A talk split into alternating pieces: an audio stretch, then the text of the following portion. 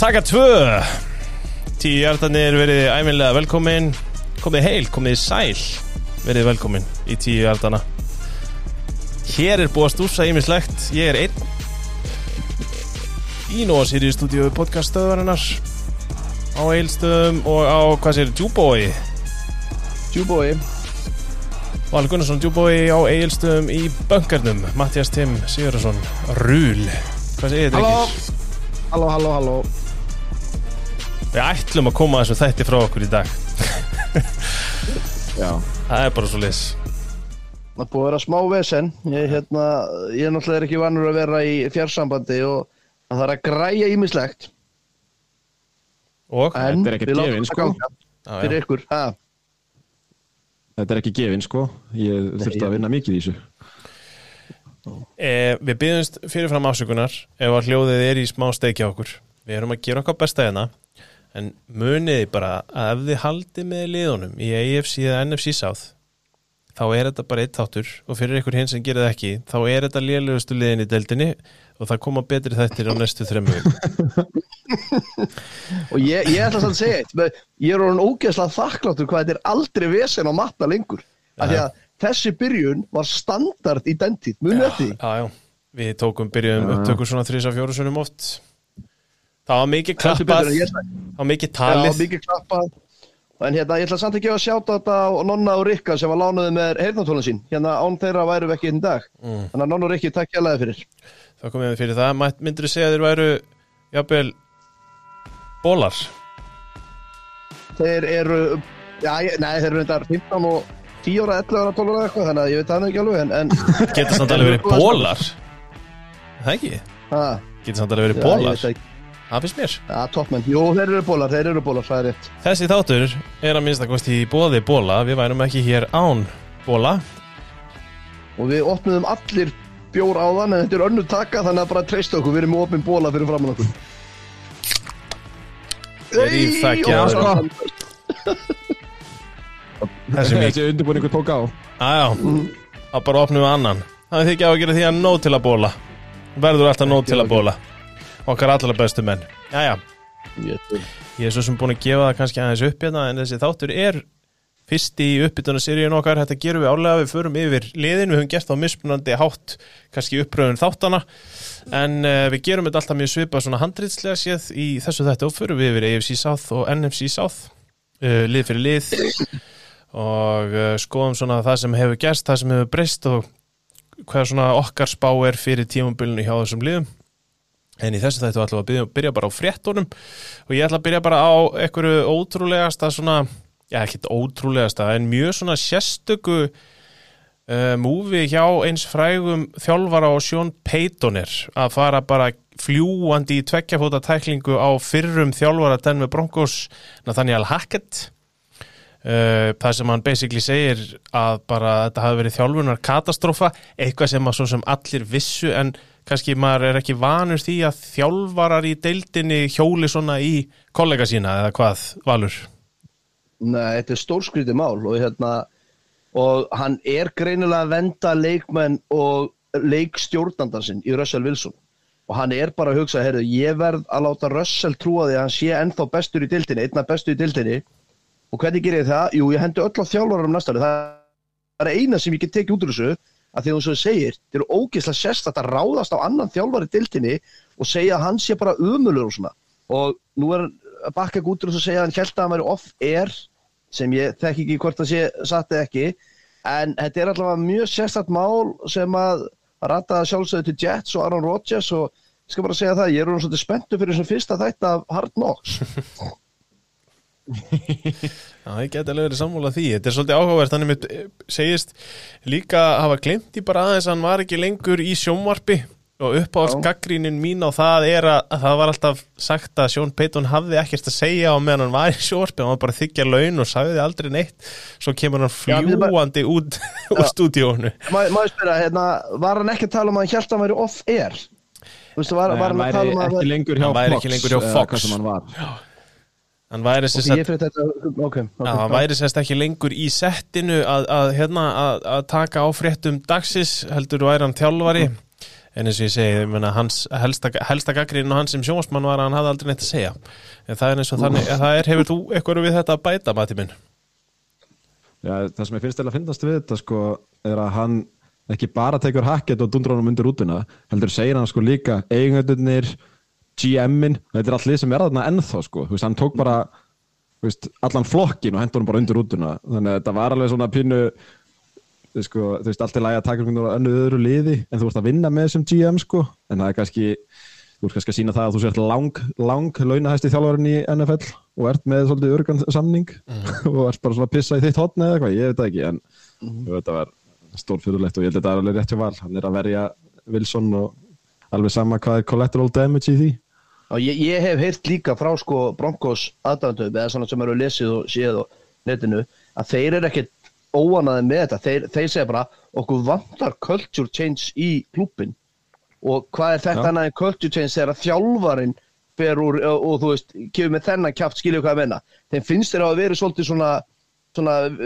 fyndni frændin út í hotni skilur eitthvað svona sem enginn tekur alvarlega sko. Algjörlega. Það er alveg Góða punktur Herru, næsta mál á dagskrá er uh, Jonathan Taylor málið. Um, og ég ætla að varpa þessu bara strax og þeirri tímalínu yfir á Eilstæði Já, við erum alltaf búin að ræða þetta running back drama sem hefur átt sér stað hérna, síðustu vikur og mánuði.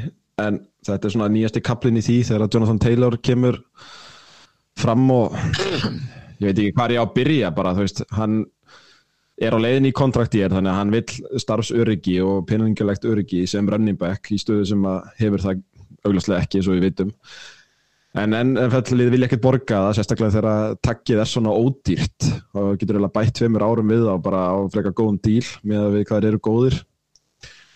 En þetta byrja sérst allt á því að þeir bara mæti camp, svona, veist, baksagan er að hann vill, segir svona óvalega grútlega hluti og það sem hann vill heyra, þú veist, þetta mun allt gerast náttúrulega og ekkert stress. Það segir hann í april, í mæ ræður hann sérst nýjan agent og þá einhvern veginn fer þetta allt downhill, þú veist, hann mætir í camp og er settur á pöplistan sem er physical and able to perform. Sem allir halda sig út af öklaðgerðum sem hann fór í lok uh, síðast tímabils. Stuttu setna kemur uh, hinn eðli Jim Irsay eigandi listins og tvítar um uh, kjærasamningin og running backa. Þú veist að some agent are selling bad faith að vilja fara fram hjá nú þegar umsöndum kjærasamning nýja agentin hjá Taylor svarar segir að sé bad faith, það vil ekki borga sínum besta leikmanni. Og svo heldur þetta áfram eitthvað svona Örsi segir að þeir hafi engin plön á að bjóða honum samning. Svo allt innu kemur fréttum að Taylor sem er á æfingu í bara vennilegum borgarlegum klæðum ekki að taka þátt. Að Örsi býr honum upp í rútu til sín á fund. Það kemur sagt frá bítræðurunum svo bara tveimur tímu setna kemur fréttum að hann er sér búin að byggja um treyt. Og væri eiginlega að fyndi þetta væri út af þessu fundi í rútunni en sagan segir að hann hafi verið löngu búin að byggja um treyt eða þú veist fyrir viku eða eitthvað. Herðu, svo er, hættir þetta nú ekki að vera skrítið því að Örsey fer þá bara og segir við einhvern uh, blaðmann að hann muni ekki treyta Taylor korki núna nýja í oktober og ef að hann sjálfur myndi deyja og Taylor myndi hætti í NFL þá væri við öllum sama og deildin myndi bara halda sér áfram sinn vana gang. Og þá held maður að þetta væri búið og þetta væri svona, þú veist, yfirleitt tekur einhverja vikur að fyrir þessi mála þróast.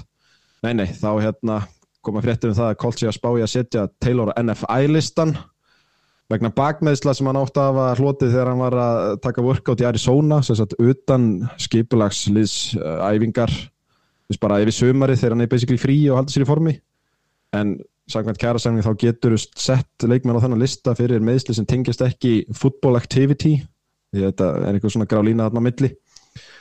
En þetta er held ég bara hótun frá Koltz ef að hann þykist vera mittur og vilja sé að taka þetta holdout samt í camp ef þeir hendunum á þennan lista þá geta þeir slefti á borgunum og hann mun ekki ná að staðfesta þetta tímabil sem er framöndan sem tímabil þannig að í rauninni færi rúkisamningurinn hans á ís og hann er í þá kontraktér í næsta offsísoni ef hann myndi vera þrjóskur og vera áfram á þessu lista. Þannig að þeir eru basically að segja þú ert ekki það mittur en við ætlum samt að ætlum til að þú spilir. Þannig að í rauninni hann er náttúrulega algjörlega með ekkert í höndunum fyrir þessu.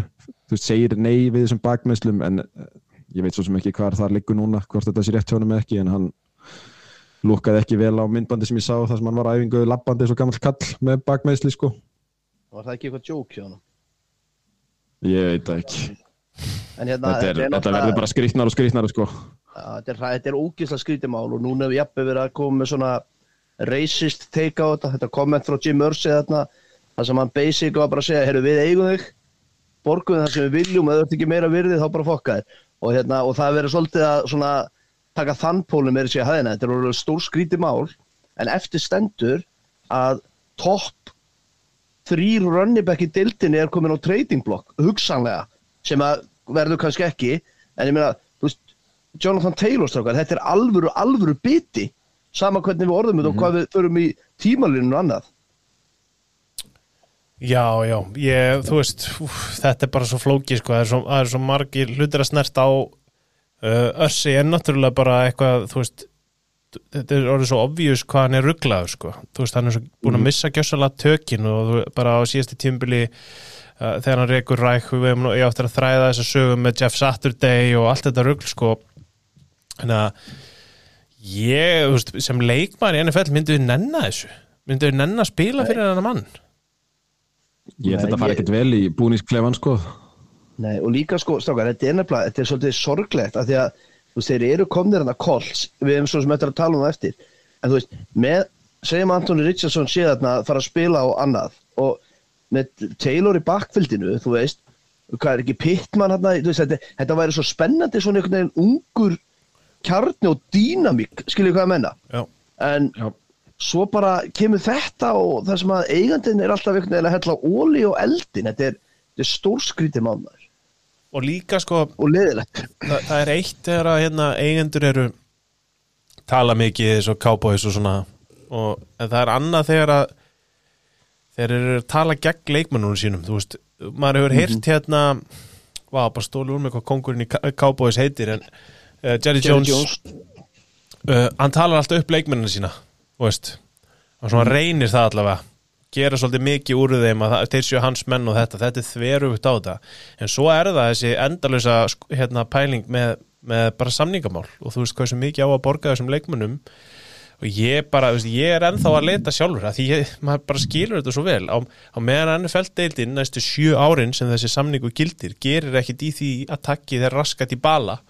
Þá spilar þú bara rúki samningi inn, þú ert draftaður í 3, 4, 5, 7 umferð og þínum fjögur ára samning og svo bara taka þér í tvisvar, þá ertu búin að spila í 6 ár og svo geta þér sparkað þér eitthvað annað en sko, Já. ég, ég, ég sammálaður og við erum búin að taka svo umræður og þið tóku henni síðastu þættir með að við erum brjálaður ef að, ef að Runny Beck eða Aaron Jones er í borgað, skilur við en Jonathan Taylor er samt alveg mögulega í þessu prósenti sem að er hægt að réttlæta að borga eru þið ekki sammála því? Matt er það klálega, en mín bara skoðun á þessu er, er að jú, mögulega Mm en mögulega er bara dálítið mikið þegar þessi gæjar vilja 15, 16, 17 miljónir en takkið er 10 þú veist, ef að takkið væri 13 og þeir vilja 15 þá finnst mér allt í lagi. Ef að takkið er 10 og þeir vilja 12 ok, skilur við en NFL bara þú, hver króna telur svo fáránlega mikið í hardcap deild, skilur við, að það er bara Þeir eru náttúrulega með þetta stóra biti í vördin og sóknarlínu. Ég skilði það alveg, en Taylor er samt ansi nála því að mínum að til að vera þess virði að, að fara fram hjá sér regla borga ekki Rönnibæk. já, algjörlega Matti, þið náttúrulega, kannski skil þína skoðun hérna Já, já, þú veist, ég elska náttúrulega Jonathan Taylor en aftur á móti þá er það bara, þú veist, þegar reglurnar eru settar svona fyrir fram og samningurinn, eða kæra samningurinn, þá er það bara bad business að borgunum en aftur á móti líka, þú veist, hvers, það er líka svona bara svona dýnamíkin milli, veist, bara þið andlega, sko, þú veist, hversu mikill leiðtói er hann og þess áttur hvernig Já, hefur þetta mikil áhrif á búningsklefan, þú veist, þú getur ekki alltaf bara verið stone cold businessman í öllu, sko. mm. Þetta er alveg flókið sko Mm. En svo velti ég með semt fyrir sér líka í, þessu, í svona pakka, þú veist allir hinni leikmennir eru, þú veist, eru þeir bara eitthvað já, hlaði cassi bara á, á running backinu okkar, skilur við þú veist, það er bara peninga sem renna annar staða frá sko það er einhver Mhm. annar sem fær ekki samningi sinn, skilur við, le, liði verið slag þú veist, það, er áleg, það eru margar hlýðar á þessu sko, menn eru illa eigingjarnir í þessu í þessari deltið og pælir í þannig, allir nema Rodgers apparently, þeir eru búin til að gefa frá sér 10 miljóna, en það er annar mál. Það er alveg mál. Ég heldur sem konur í patt með þetta með þetta mál sko, ég held að hérna, þú veist maður bara á eftir að sjá hvernig það gera en auðvitað eru, eru Colts sko munslagara lið ef Jonathan Taylor spilar ekki hvort sem það er að því hann er settur á einhvern fáránlegan lista eða er treytað í burtu. Það er bara auðljóst mál. Ég veit ekki eins og hver pakkin til að sækja Taylor yrði vegna þess að hvað er að segja hvað eru að tala um? Second first? Second, þú second, nei ekki first. Nei, það er, er ekki einu sinni það mikið sem þú færið við hann skilur, þú veist, það er annað líka sem að máli er, það, þú veist, virði þessara stöðu er líka ekkert í draftpikkum, sko. klálega Það, er meðslalistin meðsla yfirferð Mattias að Tim á uh, hérna, er, er yfirvóðandi, mér langar að byrja á hversu hryllilega fyndið þetta er með Jalen Ramsey og Bigga þetta er náttúrulega ekkert eðlilega gott sko.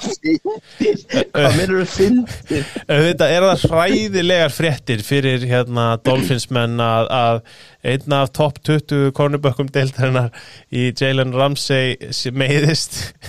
Heldur fær hann fær hann uh, Eli Apple inn á samning til jú, að það er taka þá fyndið, já. stöðu. Uh, Birgið þó Björnsson aldrei verið diggasti stuðnismæður Eli Apple og held ég bara svona hálfpartin hefur klínt uh, vekkferð þeirra í Super Bowl og tapið í playoffs á öllu saman á Eli Apple og nú er hann komin auðvitað til, að, til að verjast í þessari stórfallegu græn bláu treyju, hvað hafi um þetta að segja? bara glataða ramsi sko. meiðist og, og bara, já, Matti Já, veist, hann alltaf meðist og er hvað út, eða veist, kemur einhvern tímann í desember út þú veist að og full repair á liðþóunum ánum þetta er náttúrulega stóra múfið þeirra í sumar að bæta vörnina og fá hann inn reynda fyrir klink. Og þetta er, þú veist, ég held að sko, ég sá hérna meðslavistan í sekundarinnu hjá Miami og þetta er bara 11 gæjar í camp sem eru mittir núna. Og þú veist, og þeir eru allir cornerbackar eða safety. Að, þú veist, Eli Apple er allavega með reynslu og hefur spilað einhverja leiki mikilvæga, þannig að jú, jú, alveg fínt, en hann er engin lifesaver, sko. Ákvæmlega. Ég var eitthvað að leita hérna að fréttum varandi samningamál en þá bara myndum við okkur yfir í Joe Burrow. Hvað er að frétta af kálfanum og Joe Burrow? þú veist ekki nokkra vikur Jú, þeir segja nokkra vikur, en svo kom frétt í dag að hann var bara að labba með, í engum, þú veist, bara labba venjulega bara inn á búin í dag, sko, þannig að maður veit aldrei hvað þetta er, en Burrow hefur aldrei þurft að vera með off-season, hann er einhvern veginn alltaf mittur eða eitthvað, þannig að hann þarf ekki að mæta æfingu til að vera geggjaður, þannig að bara á meðan hann er ekki að gera eitthvað tryggustlösar æfingar eða mæta í æfingarleiki, þá held ég þetta verði bara allt í góðu í fyrstu viku eða annari. Kannski svona sorglegustu meðslin á off-season er maður sem að mig langar svo mikið að fái eitt gott heiltjónbil í Tim Patrick og Denver Broncos uh, sem að slítur hásinn eftir að koma á áslöngum meðslum þetta er náttúrulega bara þetta er ömurlegt. Þetta er alveg sorglegt sko. og líka þessi meðsli sko, þetta er alveg sikkur meðsli en samt svo veist, alvarleg og svo, svo þetta er alveg í slatta tíma frá. Þetta er bara alveg glata eins og segir, maður langar að sjá, til að sjá hann heilt tímabil sko. þetta er binda mikla voni við hann í Denver en bara svolítið svona þetta hvað maður að segja, mér finnst þetta þetta vætri síver kór sem átti að vera svo frábært hjá Denver hefur aldrei einhvern veginn náð sér á flug og, og þetta er einhvern veginn ekki að hjálpa það Nákvæmlega. Matti, eitthvað meira? Nei, ég bara alveg sammála ykkur báðum, þetta er umulegt ég reyndar hef aldrei sk- áttað mig á svo hæpi á bakvið hann, er rosa vinsett gaur og svona költ híró en ég veit ekki, þú veist, hversu mikill þú veist, hann færir líkunar þeirra fram og tilbaka ef hann meiðist. Nei, ég held að, að málið var bara að þegar hann spilaði síðast þá voru Sutton og Judy ungi leikmenn sem að voru að gera lítið og, og meittust og á einhverjum tímapunkti. Þá bara var Tim Patrick allt í einu orðin svona vætri sífinni sem að sem að leikstjóndu Denver Broncos leituðu til og hann gerði það vel og síðan þá hefur hann bara eiginlega ekki spilað þannig að menn voru kannski líka vona hann yrði þriðja hjólið eftir, veist, með því sem núna er búið að vaksa úr Judy og Sutton sem er náttúrulega ekki sérstaklega mikið heldur. Þannig að það var alltaf Nei, þessi von. þetta er einmitt sko þegar því ég mann þú veist þegar þú veist þetta er svona Judy, Patrick, Sutton og Noah Fant sem er dröftuð í tight endin. Svo einhvern veginn bara veist, ég hef alltaf hort á sko highlight pakka það sem þessi nöfnur er nefnd sko. Nákvæmlega. Skilju hvað ég meina, ég, ég er náttúrulega ósakert núna, ég veit það en mér, þetta er rosalega underwhelming kór Mhm. og þetta er náttúrulega glata meðan Patrik. Já, þetta, þetta er, þú veist, já, já. En hann er samt, hvað er hann, þrítugur eða eitthvað danskotan Þannig að þetta er nú kannski bara Það er eins og það Já. er Herru, ég ætla Yes. eldsnögt hérna að koma með uh, eitt svona hérna. Það er á handalöpum uh, New York Giants, ég heldur um ekki renta síðast gerði eins á samningu við Seikon Barkley þeir listu sín mál eldsnögt ég ætla ekki að ræða þannig sérstaklega. Af einhverjum ástæðum ákvað New Orleans Saints að skrifa undir og fara og sækja Jimmy Graham upp úr hólunni sem hann á búin að grafa sig ofan í. Ég veit ekki hvort þið hafið einhverju sérstaklega skoðun á því. Já, Nei. að það sem er meira spennandi hérna er að Cowboys framlengja við Trayvon Diggs 5 ára 97 miljón dollara samningur það er hillilega vel gert held ég svona til lengri tíma þó svo hann hafi svona alltaf verið kannski frekar mikið í því að stela boltanum heldur en að gera eitthvað mikið gagn í coverage. Sammála því? var betri í fyrra því hann var, hann var, hann var, í fyrti fyrra var hann aðalega stil og ef hann stál ekki þá fekk hann touchdown. Já. en hann var meiri hérna, hildar leikmæður í fyrra ef ég mann rétt. Við getum verið og hann er Samála Chargers, QB Justin Herbert 5 ár, 262,5 miljón dollara í framlengingu. Þetta er náttúrulega var svo fyrir séð að hálfa verið hellingur. En Herbert allt í hennu Hálf- orðin eitt meira maður já, nákvæmlega, hálf miljón pæli í tillingaskýt maður. Nú Uh, annar samningur á New York Giants. Uh, Andrew Thomas left tackle 5 ár, 117,5 miljón og glöggi hlustendur kannski heyra tölunar við erum að tala um að Seikon Barkley og menn er að berjast til að komast yfir 10 miljóna takkið. Það er sko- það er aðeins annað þegar ert ég left tackle sko. Þú gleymir það er- sko mest fyrir partinum af þessu öllu saman. Það er þegar að Bears framlengja við Cole Clement Met, 4 ár 50 miljónir sem er sko í besta falli bang average. Já, ég, ég veist að Já, ég var með að fara að nefna þetta á Kalli líka, fyndið. Það var næsta sko, við erum frétt. að tala um að hlauparar er að reyna að komast í þessar tölur, sko. Já. Cole Kemet. Það er 20 miljonir garantít, skils mér, er samt. Að fjögur ára Já, já, þú 50 miljón dollara framlenging á samning fyrir Cole Kmet Mm Já. En já, bara, ok bara, Ég skil running backana og ég skil NFL ónir að líka en það þarf bara eitthvað að breyta. Síðast en ekki síst, þá er það sem ég talaði um án Aaron Rodgers skrifar undir nýjan tveggja ára 75 miljón dollara guaranteed samning og losar uh, Jets undan 35 miljón dollara svona brasi. Svo fór hann í viðtalsaður og sjálfi sagði, það er náttúrulega langt best að losa þessa peninga því að á trade deadline þá getum við fengið stóru bitana. Sko, Þetta er maður sem er búin að að telja krónur frá því að hann var draftaður inn í Packers Já, já, ég ætla samt að segja, sko, Pakkars var náttúrulega ekki að díla við Fertuan Rodgers, en það voru með hann í præminu, en, en ég er að býða eftir að Devante Adams, Mike Evans farið til, eða eitthvað svoleiðis farið til Jets á Detlandi. Það er allavega alveg hérna, verðt að skoða Super Bowl hérna, annarkvort að spili í Super Bowl eða, eða vinni Super Bowl línundar fyrir New York Jets ef að það er actually möguleik á því að, að uh, sækja sér eitthvað góðan kannski Jonathan Taylor bara Yes. já, er Já, takk. Yes please. Það væri ekki að vitt Heyriði, að öðru þá bara förum við vindum okkur í það sem að mun sennilega taka restina af þessu þætti og ég ætla að giska á svona fjóra til sex klukkutíma. Það er uppbytunin en uppbytunin í dag er að sjálfsögja í bóði Kansas fyrirtækisins og okkar nýjasta styrtalega Pítunar og Safran hvetjum ykkur öll til að fara og fá ykkur uh, Safran pítsu, humar pítsu eitthvað ljúfengt á Safran það getur ekkir Valsi, þegar þú kemur í bæinn þá förum við á Safran Jú veit er ég til í það maður. En hérna, já, ég er til í það, ég er bara ekki spurning. Eða pítuna. Já, vi- pítuna Og vikun eftir það, þá fyrir við þrýr saman eitthvað Já, mér leist mjög vel á það reyndar. Já, er það tilfellið? Uh, við Já, getum þetta er að taka bara upp tvo þætti þá Suður í þar næstu ykkur Já, maður Gekkja það, tökum, tökum upp bara eins mikið og við getum. og þá loksis fáum við að vita hvað Matta finnst best að fá sér í píkunum Æ, sér veist það, ég, fyrir við þetta átt að þess að kalli nefnir það, nei, við gerum það ekki. Heyrðu, Þetta mjög mun Bjarni mun aldrei fá já, þetta, þetta er bara svona þetta. Um, Við ætlum að byrja í AFC South. Við ætlum að byrja á einu slagasta liði NFL-deildarinnar fyrir tímabilið. Það er Houston Texans, overöndrið er 6,5 og verkefnið fekk Mattias Timm á Eilstöðum. Já, þetta var skemmtilegt verkefni. Það er svona búin að vera lið í tvö ár þar sem maður vissi bara að þeir væri að býða eftir að byrja eitthvað rýpild.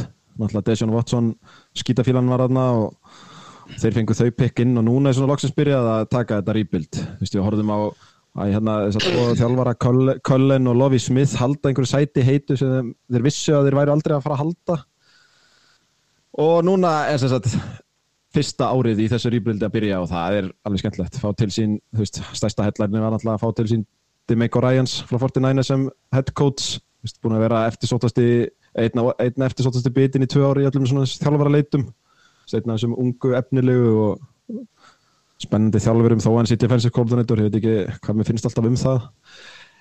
En já, þú veist, þetta lið ég held að þetta verði ekkert engin flugöldasýning til að byrja með en þeir eru allavega að byrja þetta rýpild á ágættis flugöldasýningum með því að ná sér í bæði CJ Stroud með uh, number 2 overall pick og henda sér hann í trade up til að vera með þriðja pickið og ná sér í Will Anderson. Þannig að ef að þetta plan virkar þá er þeir komið með quarterback framtíðarinnar og Edsurus er framtíðunar, það er mikið ástu stöðunar á vettinum. Þú veist, við erum með svona leikminn aðna, þú veist, CJ Stroud, ég er spenntur að sjá hann, sérstaklega út af því að hann er, veist, fljótar ákvarðanir, fljótur að koma bóltar sem hann á að fara og er ógeðslega nákvæmur, veist, hann var með 85 touchdown á móti 12 interception í college, þannig að ef hann er að halda, þú veist, turnoverunu niður í, þá er þetta alveg Þá er þetta hvað? Þá getur þetta þá er þetta inn í leik þá er þetta inn í leikum en þú veist, þetta er pínuð svona þú veist, ég býst ekki við að ég er vin, þú veist, ég bundi alveg betta við öndir á 6,5 sko en að meðan þeir eru inn í leikum þú veist, og, og þetta er allt svona á uppleið þú veist, við erum með við erum, þetta er ömrætt vætri sífekor sko og ég er ekkert vissum að Demion Pierce ég geggaði running back Nei. og Dalton Schultz var einn á stóru múinu þeirra í fyrir eiturmarkarnum sko í tæta en þannig að þetta er ekkert eitthvað let's fucking go hérna en það er allavega eitthvað þarna. Það er lóksins komið plan í gang. Þa, það, er, það er verið að byggja hús þarna sko, er, ég er alveg sammálað því. Það er komin eitthvað grunnur og þeir eru þú veist, í ákveðna stöður eru þeir með þú veist, ef þú hugsaður að þannig, ef að CJ Stroud getur eitthvað, þá er það konum með kvartabækin sin Damian Pierce. Ég er á því að hans er bara mjög, þú veist, í þessum running back markaði sem bara Damian Pierce frábær running back það geti verið frábær running back, við ekki hafa það þannig. Okay. uh, þeir eru með left tackle framtíðarnar í Laramie Tunsil, hann getur verið aðna bara til lengri tíma, það eru leikmenn í sóknarlínunni eins og Shaq Mason sem eru bara mjög frambærilegir sóknarlínumenn uh, ég er þetta er dýrasta þetta er dýrasta ólæn í deildinni á næsta ári sko. Þú veist, þeir voru að borga Titus Howard sem er right tackle, alveg risa samning sko, bara um daginn. Og eru með first round guard síðan í fyrra, þú veist, þetta er alveg heldur peningum í þessari ólæn, þannig að það ætti að hjálpa. Uh -huh. Svo hafa þær verið að, þú veist, eins og bara Jerry Hughes, Sheldon Rankins, þetta eru leikmenn sem við þekkjum úr þessari deild, Christian Kirksey, Shaquille Griffin. Ég menna, þeir eru búin að, þetta er bara sama uppskrift og nú síðustu árin er maður bara nýið þjálfarin og korti bakk framtíðarinnar. Er það ekki bara, þú veist og ég meina Dalton Schultz var þú veist, menn voru að drafta hann bara sem 5-7 tætend í, í, í fantasíu fyrir það sko Ég er hrifin að Dalton Schultz, ég hef alveg verið smáðan þar en, hérna, en ég er alveg sammála því en þetta tímabil í ár veist, þeir eru með frekar létt sketsjúli fyrir kannski við þá eftir og þeir eru náttúrulega í AFC South þannig að spila 6 leiki þar og þú veist 6.5 ég sammála, ég fyrir öndir þar. Uh, veist, já, ok, eins og þú segir að vera inn í leikjum er kannski svona er það ekki bara svona semi-best case dæmi þeim, þú veist, þeir eru aldrei að fara að gera eitthvað í ár, vera inn í leikjum og svona byggja til framtíðar, eins og þú segir leggja steinana. Já, þetta er bara 100% það ár. Um, þú veist, eins og ég fór að skoða eins þetta frá því fyrra og veist, við erum með einna svona spurningar, þú veist, hvað þarf að vera betra en í fyrra til að hlutinni gangi? Kastleikurinn. Þú veist, kastleikur Texans var sko bottom 5 mm -hmm. í bæði, þú veist, bara grípanlegum targets og bara overall efficiency, þú veist, þeir voru bara Damian Pierce þurfti að hlaupa í sjömanna box held ég oftast af öllu rönnubökkum í deildinni. Þannig að hann var bara með, þú veist, Davis Mills hrætti engan og skiljanlega því hann var umöluður um, þar gæti losnað um allt ef að strátt nær að búa til eitthvað svona dunk jar- hérna, yard after the catch dæmi út af því að það er komin hérna náttúrulega Dimmick Ryans tók með sér eftirmann Mike McDaniel hjá 49ers þegar hann fór til Dolphins. Þar er komin offensive corner sem tekur þetta e, geggjaða sóknarkerfi með sér vonandi. Og þá vonandi losnar um eitthvað og þetta sé svona þú veist ekki rúki quarterback sem verður bara lamin í klessu og þetta verður allt umulegt og ég er bara svona, þú veist, núna er allir spennandi og ég vona að þetta verði þannig hjá þeim. Algjörlega. Um, ég er að spá í hvort að hérna, ég ætla að reyna að halda þessu utan um tíman á ykkur, áttu mikið meira inni hérna, Ma- Matti, ég er svona með langa að spyrja í kjölfar allar að liðana hvað er þið stæðið í over underinu bara áf, áfram í þessu um, og bara spyrja, við tippum á bara over underið yfir eða undir þar sem að línan er reynda frá kúlbett hjá okkur. En ég vil ekki trubla þig ef þú ert með eitthvað í áframhaldinu. Þannig ég er bara með uh, bara breakout kandidat, þú veist það er. Derek Stingley, hann glimtist svolítið í umræðinu út af svo skarnir í fyrra. En ég held að hann veri gæði sem verður alveg í umræðinu um top corner í NFL, þú veist, bara ógislega spennandi cornerback sem var tekinn first round í fyrra. Og hann mittist í lokin að hann er að glimtist pínu. En ég held að hann verði ógæðislega góður. Ég sammála því, mér fannst hann bara trilltur í fyrra sko, mér finnst þetta heila svona mér finnst þetta cheap breakout kandidat hjá þér og ég var bara strax að fara hjól í því sko, því að mér finnst hann bara góður strax, mér finnst, mér finnst hann ekki ég ég er með annan Já. sem er svolítið öndaður reyndar. Já, kom, ég vil freka að fá öndaði reytarinn, komdu með hann? Já, herri, það er John Mechie the third gæi sem að er bröftið í second round í fyrra. En, uh, drullu skemmtilegu slott receiver sem gæti ekki spila því hann grindist með kvítblæði og hann er komin í gang aftur. Og ég held að hann sé fullkomin fyrir þetta kerfi. Þú veist, snarpur og skemmtilegur uh, slott receiver með þú veist, gott after the catch. Og meira hef ég ekki. I love it. Þetta var Geggjað. þra, þetta verður þræl skemmtilegir Texans menn í ár en uh, næsta lið í AFC South eru, já, hei, ég ætla að taka þetta. Over under 6,5 strókar. Önder Já, sammála Ég er sko að reyna eins og ég get að finna sjönda sigurleikin á sketsjólun er hann bara, hann er ekki þarna. Hann er ekki til sko. staðar. Þeir eru favorite í þremur leikjum og það er sko Colts, Tampa, Arizona og það er allt þrjústigað undir. Skotin maður, þegar ég er Cardinals hérna sko. Að þetta er öndir það er öndir á línuna ég get ekki, ég finn hennar leik ekki. Herru, næsta lið Jacksonville Jaguars over öndir er 9,5 og Valsi minn þú fæst þetta. Já, fyrir þeim. við skiptum þessu upp svona í off-season headline, byrjum á því og það er náttúrulega sko uh, Calvin Ridley er náttúrulega komið tilbaka til Jacksonville Jaguars sem að áttu bara fínast tímuli fyrra og enduði í playoffs.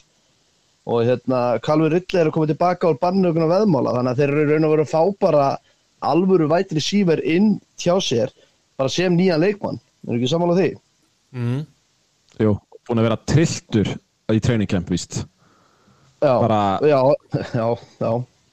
Eins langt og næst Já, já.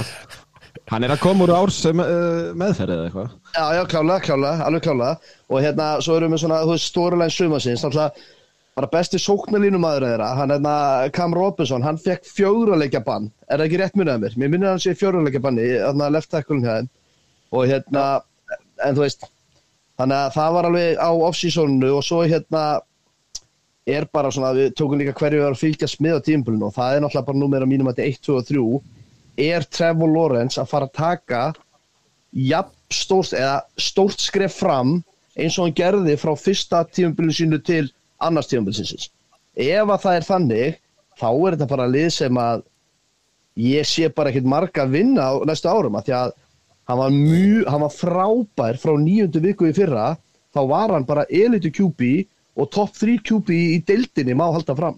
Þú veist að þeir vinna 6 á síðustu 7 leikjunum sinum í fyrra Jacksonville Jaguars Það er alveg mjög greinlegt að hérna á off-seasonu uh, við þekkjum það kannski manna best að það er uh, gúrkutíð í, í fréttum og umræðefnum þannig að það er ógrinni af hérna uh, listum um kortebakk stöðuna. Og menn eru grimt einmitt að tróða honum eins og þeir mögulega geta eins hátt og hægt er í topp 8 yep. og ég, þú veist, ég veit ekkit hvort það er rétt eða ekki en hann var það í lók síðast tímbils, það er rétt hjá þér sko. Og litla stökki sem hann tók og við kölluðum eftir ég mitt fyrstu 5, 6, 7, 8 leikina bara þú veist hvernig ætla Trevor Lawrence að fara að geta eitthvað? Þú veist hversu lengi eigum við að býða þannig að já, vissulega, þú veist það er lítið hérna, lítil stærð af leikjum sem við höfum séð en, en þetta er í jónum, það er alveg klártmál Já, ekki spurning. Og hérna eins og segi, öll metrix og bara líka ættestið, það sagði bara, heyrðu, ok þarna er þessi Lorenz sem vorum að býða eftir úr háskólaboltan og eins og ég segi, þú veist, þeir vinna 6 af síðustu 7 leikjónum og enda á að fara í playoffs og þú veist, við tölum um sketsjulegar og eftir og svona, en ég menna þú veist, þeir spila 6 leiki í AFC South og hinn riðillin sem þeir mæta er riðillin sem við ætlum að fara í og eftir sem er NFC South. Og það má alveg halda þig fram að þetta séu tvei lélugustu riðlar í NFL þannig að þú ert með, þú ert með hvað, nýju leiki á móti lélugustu riðlum í NFL og ég ætla mér þess að ganga það langt að veist, ef þeir eru hefnum miðst og allt svoleiðis þá gæti Jacksonville Jaguars enda sem number one seed í AFC mm. það gæti alveg gerst. Já, Yes! Ég fílaði þetta sko, ég, hérna, ég var ekki búinn að skoða sko Jacksonville uh, ég er að því núna, bara skipna langar að sjá sketsjúali hjá þeim sko. Um, og, og vittu að hérna í fymtu vikur er út á móti Baltimore ég held að hann sé í London leikurinn Já, já, það getur vel verið. Uh, Stærstu leikirnir hjá Jaguars á tífumbilinu eru Chiefs í viku 2, Bills í viku 5 eða 6, 5 fimm, fimm, já. Uh, svo- Svo eiga Saints, Francisco- 49ers uh, Browns, Bengals Ravens, jú, jú, ok.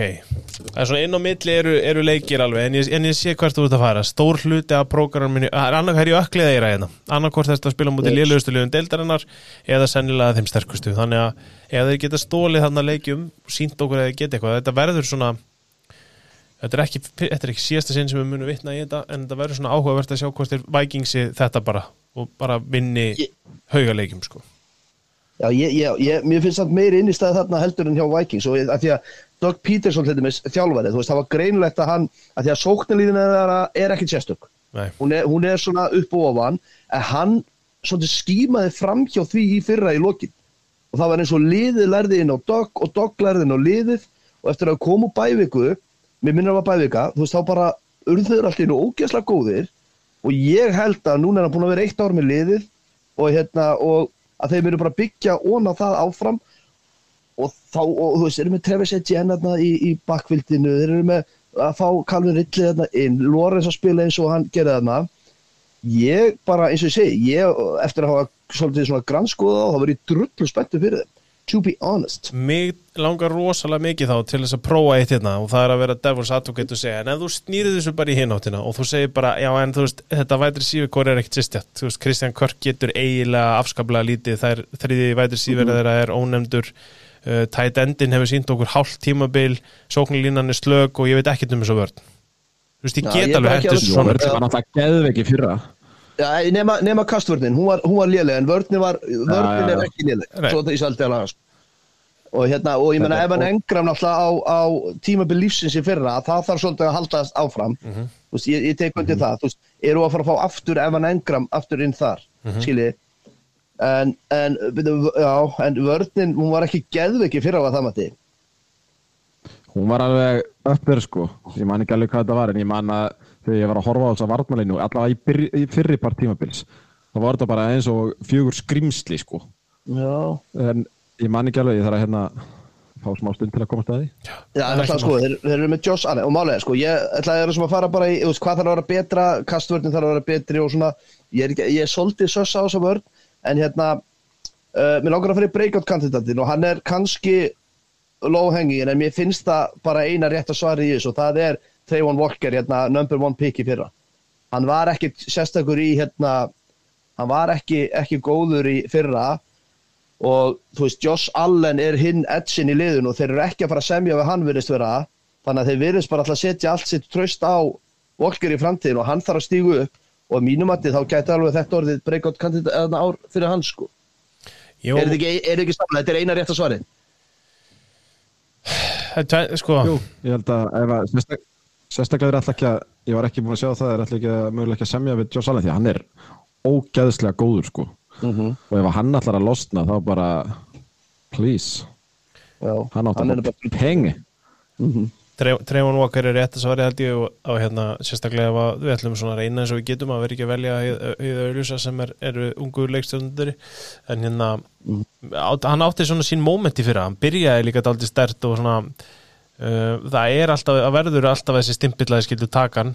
Því sko, miður. Hann byrjaði með stakki í fyrsta leikminum en svo var hann ekkert sérstakur en steigaði þessu upp í lokin Mm. á samt liðinu og þú veist, en, en eins og ég segist okkar sko, Lorenz næsta tímabil verður ógeðslega áhugavert. Mhm. af því að þetta stökk sem hann tók frá ári eitt, þú veist, hann fór úr 12 touchdownum fyrsta árið sitt í 25 og minkaði interception úr 17 í 8 á milli tímabila og hérna, og Doug Peterson ég minna náttúrulega, það er náttúrulega rannsóknar efni hvernig svo stýrt áður en að Peterson kemur inn, svo að það, það sé á reynum sko, og hendir ekki uh, okkar manni Urban Meyer hérna inn og, og hérna og, og ætlast til að eitthvað gerist greinlega þannig að þú veist, þannig að aftur ég bara, ég, ég skal viðkynna það ég er drullu spenntu fyrir þessu Jacksonville Jaguarsliði og þeir eru í aftur, svo maður endur takið sig einn af liðlustu dildinu og, er að- og bara gætu gert drullu, drullu fína hluti held ég algjörlega, og hálfur. Over, mínum að þið Já, ég líka, over. Af því þetta er nýju og hálfur þá ætla ég að segja fuck maður. Uh, ég er enn og aftur ég er að leita strákar. Ég er að leita sko ég ætla að segja að segja, ok, já, ég, já, það, þú veist, það er meikinu sens Þa, það er samt bara til þess að við séum ekki alltaf eins og það er hérna, ég ætla að segja bara under, under og, nei, over, over, under. Um, bara af því bara, ég, þú veist, ég hef ekki tannig sem fyrir, það er samt, þú veist, ef þú horfir á þetta eins og ég saði þetta á þann það er svona, já, þú veist, það, það er ímislegt sem að ég er ekkit seldur á. Þú veist, ég er ekkit seldur á það að það sé nóg að vera með uh, Christian Kirk og Calvin Ridley og svo Say Jones. Ég er ekkit vissum að Evan Engram sé jafn góður og hann var bara þegar hann var að spila upp á samningi sinn. Uh, Cam Nei. Robinson er í banni. Brandon Sheriff er langbesti sóknarínumæðurinn í þessu liði fyrir utan hann. Þeir grýttu öllum sínum penningum í það. Og þú veist, jú, þeir eru á, í sumum stöðum mjög vel mannaðir varnarlega. Og ég, þú veist, ég hef samt svo gaman af því að það komi lítill markaður og springi svolítið út. Jacksonville hefur gert þetta áður uh, ég er massa Doug Peterson fan þannig ég held pínu með þessu liði sko. En ég er ekki, þú veist, það er engin þú veist, er einhver breytti í þessum svona sóknarlega? Þú veist bara, hver er running back 2 hver er vætir síður 3, 4, 5 Þeir, þeir dröftuðu Tank Bixby sem ávist að var rullu. Ok, og hann er hérna, því að- af því að menn töluðum að þeir mundur en að stýra álægin á Etienne og passa svolítið þar. Mhm. þannig að veist, en ég veit svo sem ekki hvað hann getur ég skal alveg viðkynna það. En minn okkar anskali, að því að sko þú talar um að þú betur öndir, ég er að horfa á þessa erfiðuleiki í það, erfið erfið sem er Kansas City, Buffalo San Francisco, Bengals svo Browns. uh, uh, Ravens. uh, Ravens og hérna og Browns, ok. Chiefs er heima í annari viku Buffalo er úti en þeir eru í London þannig að þetta er ekki útilegur Mm. svo eru þeir heima múti Niners, heima múti Bengals skilur þú hvað ég meina? Ég- þetta eru allt 100%. heimaleikir En ég get líka hendi í því sko að ég, það sem gerist líka og er óumflýjalegt þegar við gerum þetta er að við erum að fara massíft jákvætt í liðin til að skoða hvað er búið að breytast og hvað er búið að gerast. Ég er á sum, ekkert á ósvipari skoðun og þú með seint. Og þeir fá Ok. seint. já, já, ok, já, já, já. ég sé þá alveg lenda í vandræðum með seint. Ég er að segja, ég, ef, ef, ef þið hefði sagt undir þá hefði ég sagt over. En af því að þið já. over þá ætla ég að segja undir. Ég ætla bara að taka það á mig. En ekki fucking betta á það. segja, ef Ar- Aaron Rodgers væri ekki farin í Jets þá væri Jaguars líklega liðið mitt í AFC en við skulum halda áfram En við skulum líka ekki gleyma einu áður en að ég tek hérna Colts umræðuna það er að það er Mm. viðbjóðslega erfitt að vinna tíu leiki í NFL það er bara ógeðslega erfitt og þú færið ekki, hvað, þú færið 17 tækifæri til þess sko, þú veist. Það er klálega.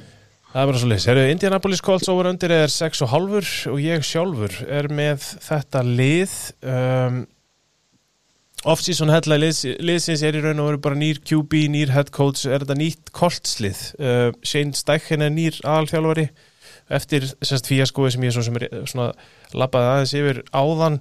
Þannig að er, þeir reyka Frank Ræk uh, sjá, hvað var ég með þetta hérna?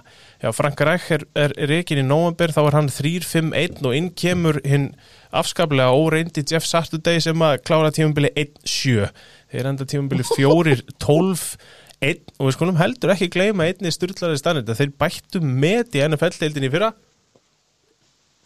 þar sem þeir tókst að vera 33-0 yfir í hálfleik og tapa 39-36 á móti Minnesota Vikings.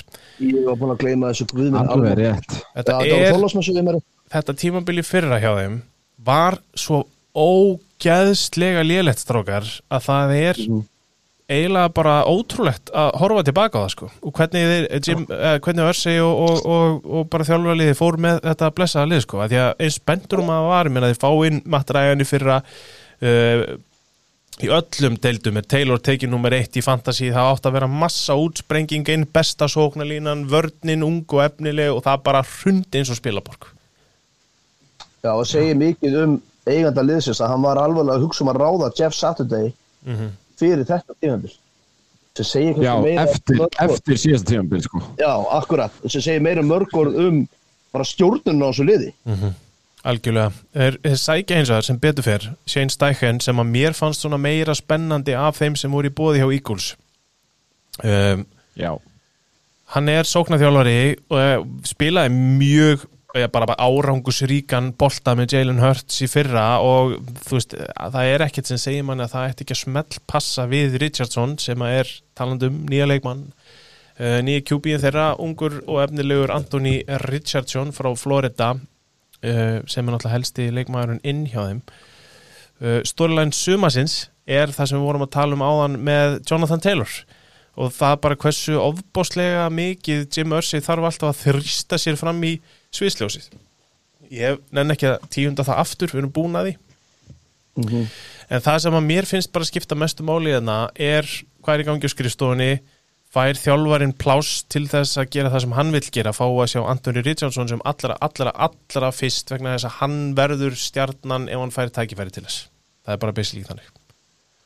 Já, ég, eins og segi, ég bara, mér finnst það svolítið svona tekið frá okkur hvernig backbildi getur orðið, er ekki Richardson athletic beast og og ef hann verður með Taylor hjá sér sko, ég er svolítið svöktur yfir þessu. Og maður einhvern veginn trúir því ekki að þessi sóknarinn að verða eins í fyrra. er nefnilega merkilega svona bara, hepp, svona, þú veist, Quinton Nelson þarna, þú veist, það er eh, svona, já sjá nú til, hún er ekki eins ofbóslega sterk og maður er haldið og svo kemur aftur inn þarna, hvað finnst manni um vætri síverkorið um, yfir höfuð. Þetta verður svona pínu púsluspil en við skulum ekki gleyma því við erum að tala um kannski bæting úr fjórum sigurleikjum sem að mun svona kannski vera aðalpunkturum inn í, í þessari svona umræðu.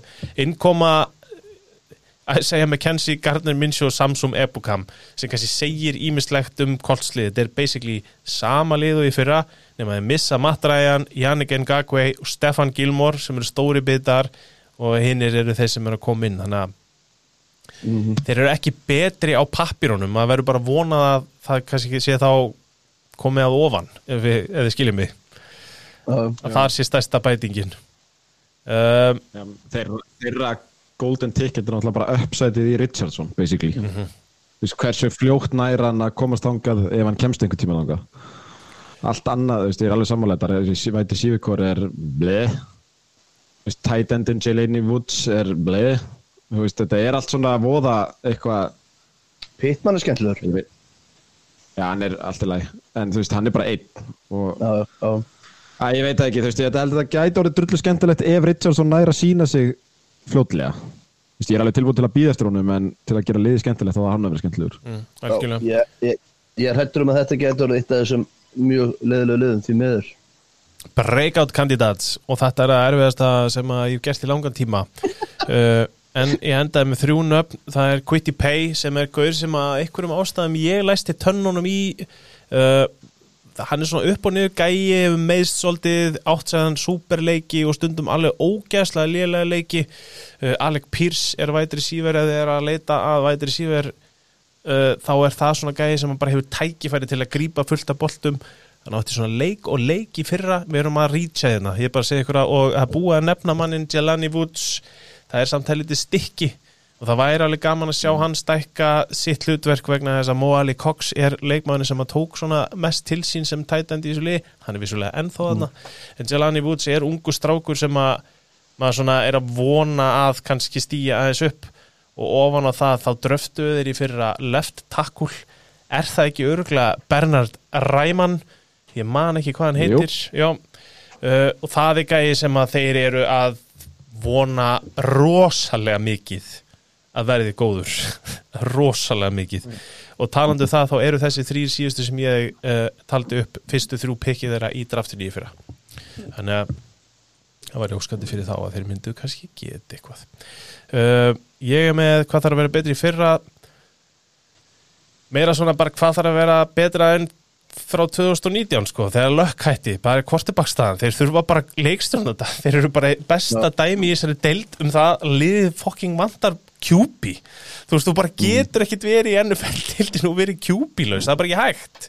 Og það er þeirra helsta vandamál. Þeir eru búin að reyna gjössalega allt nema að sækja hann í draftinu, nú eru búin að sækja hann í draftinu. Já, þetta er, þetta er annars, annar liði sem við munum tala um í dag sem einmitt hefur svolítið brent sig á þessu og fóru núna sótt hann í draftinu og þeir náttúrulega eru bara að vona að Richardson sé hann. sé hann. Það er því- hvað er sorglegt. Við erum búin að ræða núna kolt í svona tíu mínútur eða eitthvað og við erum ekki búin að einu sinni tala um Shaquille Leonard Já. sem var bara besti væ- linebackerin í deildinni fyrir svona þreymur ára síðan ég Það ætlaði er svona sko.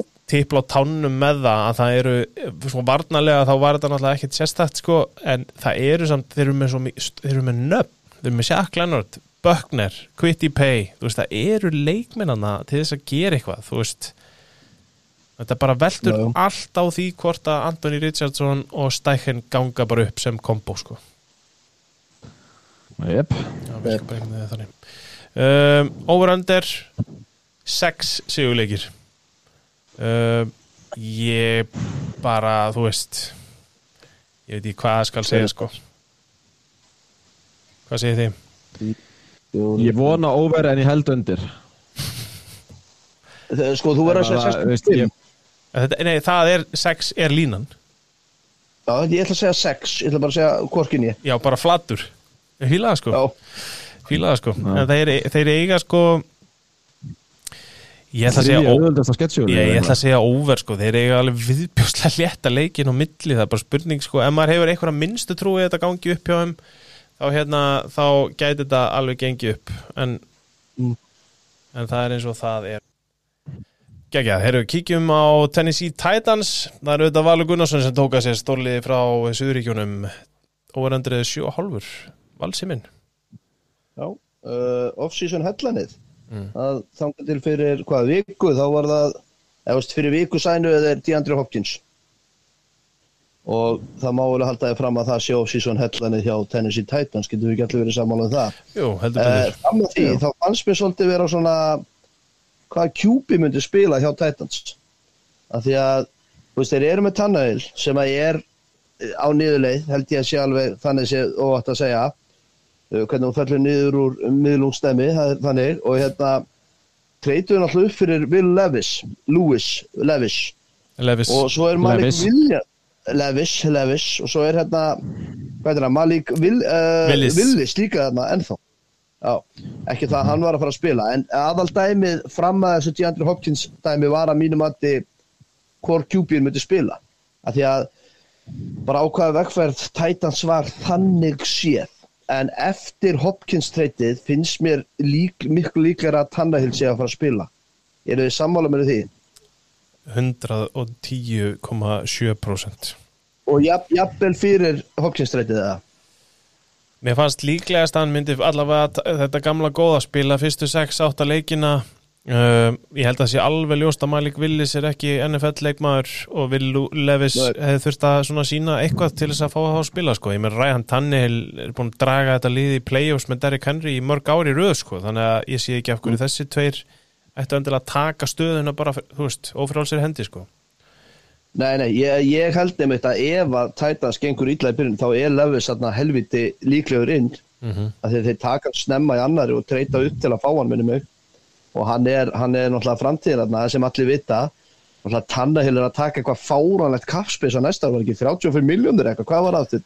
Það? Ég held að sé 40, 47 eða eitthvað sko. Þetta er eitthvað bara óþægilega mikið sko. Það var eitthvað mjög, mjög skrítið sko. en hérna en eins og svo oft áður, ég hata þetta þú veist, þegar maður fyrir að skoða lið, sama hvað liði heitir þá verður maður svona spenntur. Og þú veist, Titans eru að mínu mati bara með bara, þú veist, topp 5 þjálfara í Reybúl og hérna og hann einhvern veginn nær alltaf að búa til einhvern struktúr þarna og eins og þið nefnið, koma þeim í playoffs.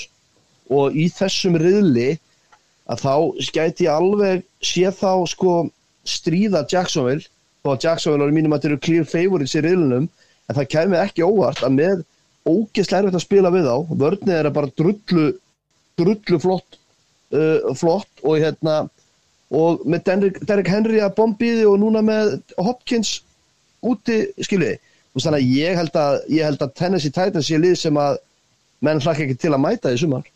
Eða veitur Ég geta mörguleiti verið samanlösu mér finnst Titans endstaðan hjá þeim mjög skrítin, vætir síver 2 og 3 er svolítið upp í loft og svo bara langar mig að vita hver, hver allar að sparka í töruna hjá þeim, en svona að öðru leiti þá er þetta bara aðalega ekkit sérstaklega spennandi, þú veist. Þetta er eiginlega bara uh, þetta er bara svolítið the same, skilur þetta er ennþá bara Tannehill, Henry jú, DeAndre Hopkins er þarna og maður bara vonar einmitt að hann fari ekki Julio Jones leðina hjá Titans að taka peningin og geta ekkert sko. Uh, og svo er þetta Traylon Burks allar hann að geta bara eitthvað? Bara eitthvað, bara getur þú please getað eitthvað? Þá er alveg möguleiki, þú veist. Ég ætlaði með þetta nefna um Börg sko, því að þú sagðir að það er ekkert spennandi, mér finnst hann spennandi. Og það sem að menn voru orðið svolítið spennti fyrir að sjá hann sem vætri sér verið eitt áður en Hopkins kom. Og hérna, þannig að ég er alveg, ég skil alveg hvað hann kemur og ég er sammálaður að bara lang mestu leiti sko, en hérna, en þú veist aftur, þú veist, þeir eru að fá landri aftur hérna í vörnina og, og svona, þannig ég held að, þú veist, þeir, aftur, ég ætla bara að segja það, ég er sammálaður, þetta er ekki spennandi lit og þú ert með Henry að bomba bara smátt smátt fútból hérna sem allir eru hættir að spila einhvern veginn nema Tennessee Titans einhvern leiti þú ert með að bomba aftur og aftur og svo ertu með Reybul sem er bara drullu, drullu góðu þjálfari. Ég held að það sé algjör bits að mæta þessu liði og svo erum við með nýja sóknarþjálfara þetta Tim Kelly, hann var passing coordinator það verður forundræðið að sjá hvernig hann mun koma inn í þetta, hvort það mun eitthvað breytast þú veist, að því að ég meina sókninni var basically bara Henry hlöftu og hérna, já, hérna ég, eins og segi, ég held að þetta veri erfitt lið að mæta, ég sammálaðir ekki mest spennandi liðið en veist, ég held að ég getur alveg farið yfir hvað eru með að óveröndir, 7,5 7,5 já, ég get alveg trúið að myndi enda að herra það. Þetta er einhver albesta línan sem að sett hefur verið held ég á, á hérna fyrir okkur fíklana.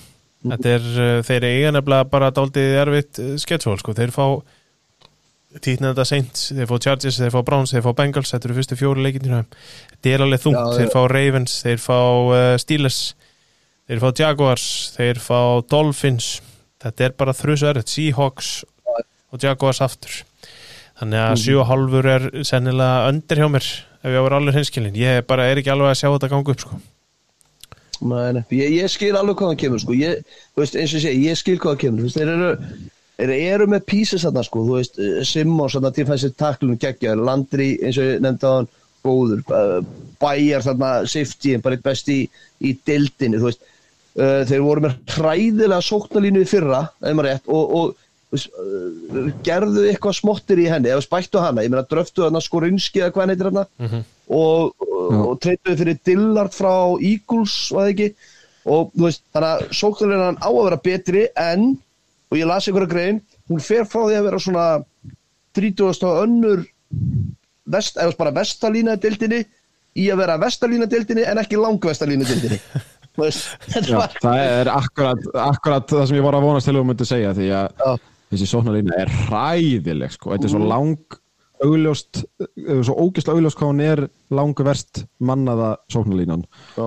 og við höfum nú séð það hvað það getur gert við Gaura en þú veist, jú, Derek Henry er náttúrulega ómannlegur en þú veist já, ég veit ekki, ég minnst þetta svo augljós öndir, ég bara, ég, mér finnst allt einhvern veginn pirrandi við þetta lið þetta er eiginlega eina liði svona, sem að ég fyrir sísonið er ekki bara fyrir utan náttúrulega Cardinals bara ef að þau var að mætast ég myndi örgulega fara að láta renna í bað og af því að hakk sko Já, ég, ég skilji, ég skilji, ég held samt ég held samt að þið séu að vann með þetta þjálfaran upp á sko, ég, jú, Já, ég er ekki, ég er ekki þessi skemmtilegt en upp á það að þeir gætu unni leiki sem að við höldum með já já sko En það er samt ekki nóg til að fara yfir ekkert 7 á og óvart. hálfan sko. ef, að, Nei, ef að hann myndi draga þá einhvern veginn upp úr raskatinu í sjöunda playoffsætið þá væri ég alveg leiðinlega ekki hissa á því Já, hann er einhvern veginn, hann er með eitthvað svona Mike Tomlin gen, gen.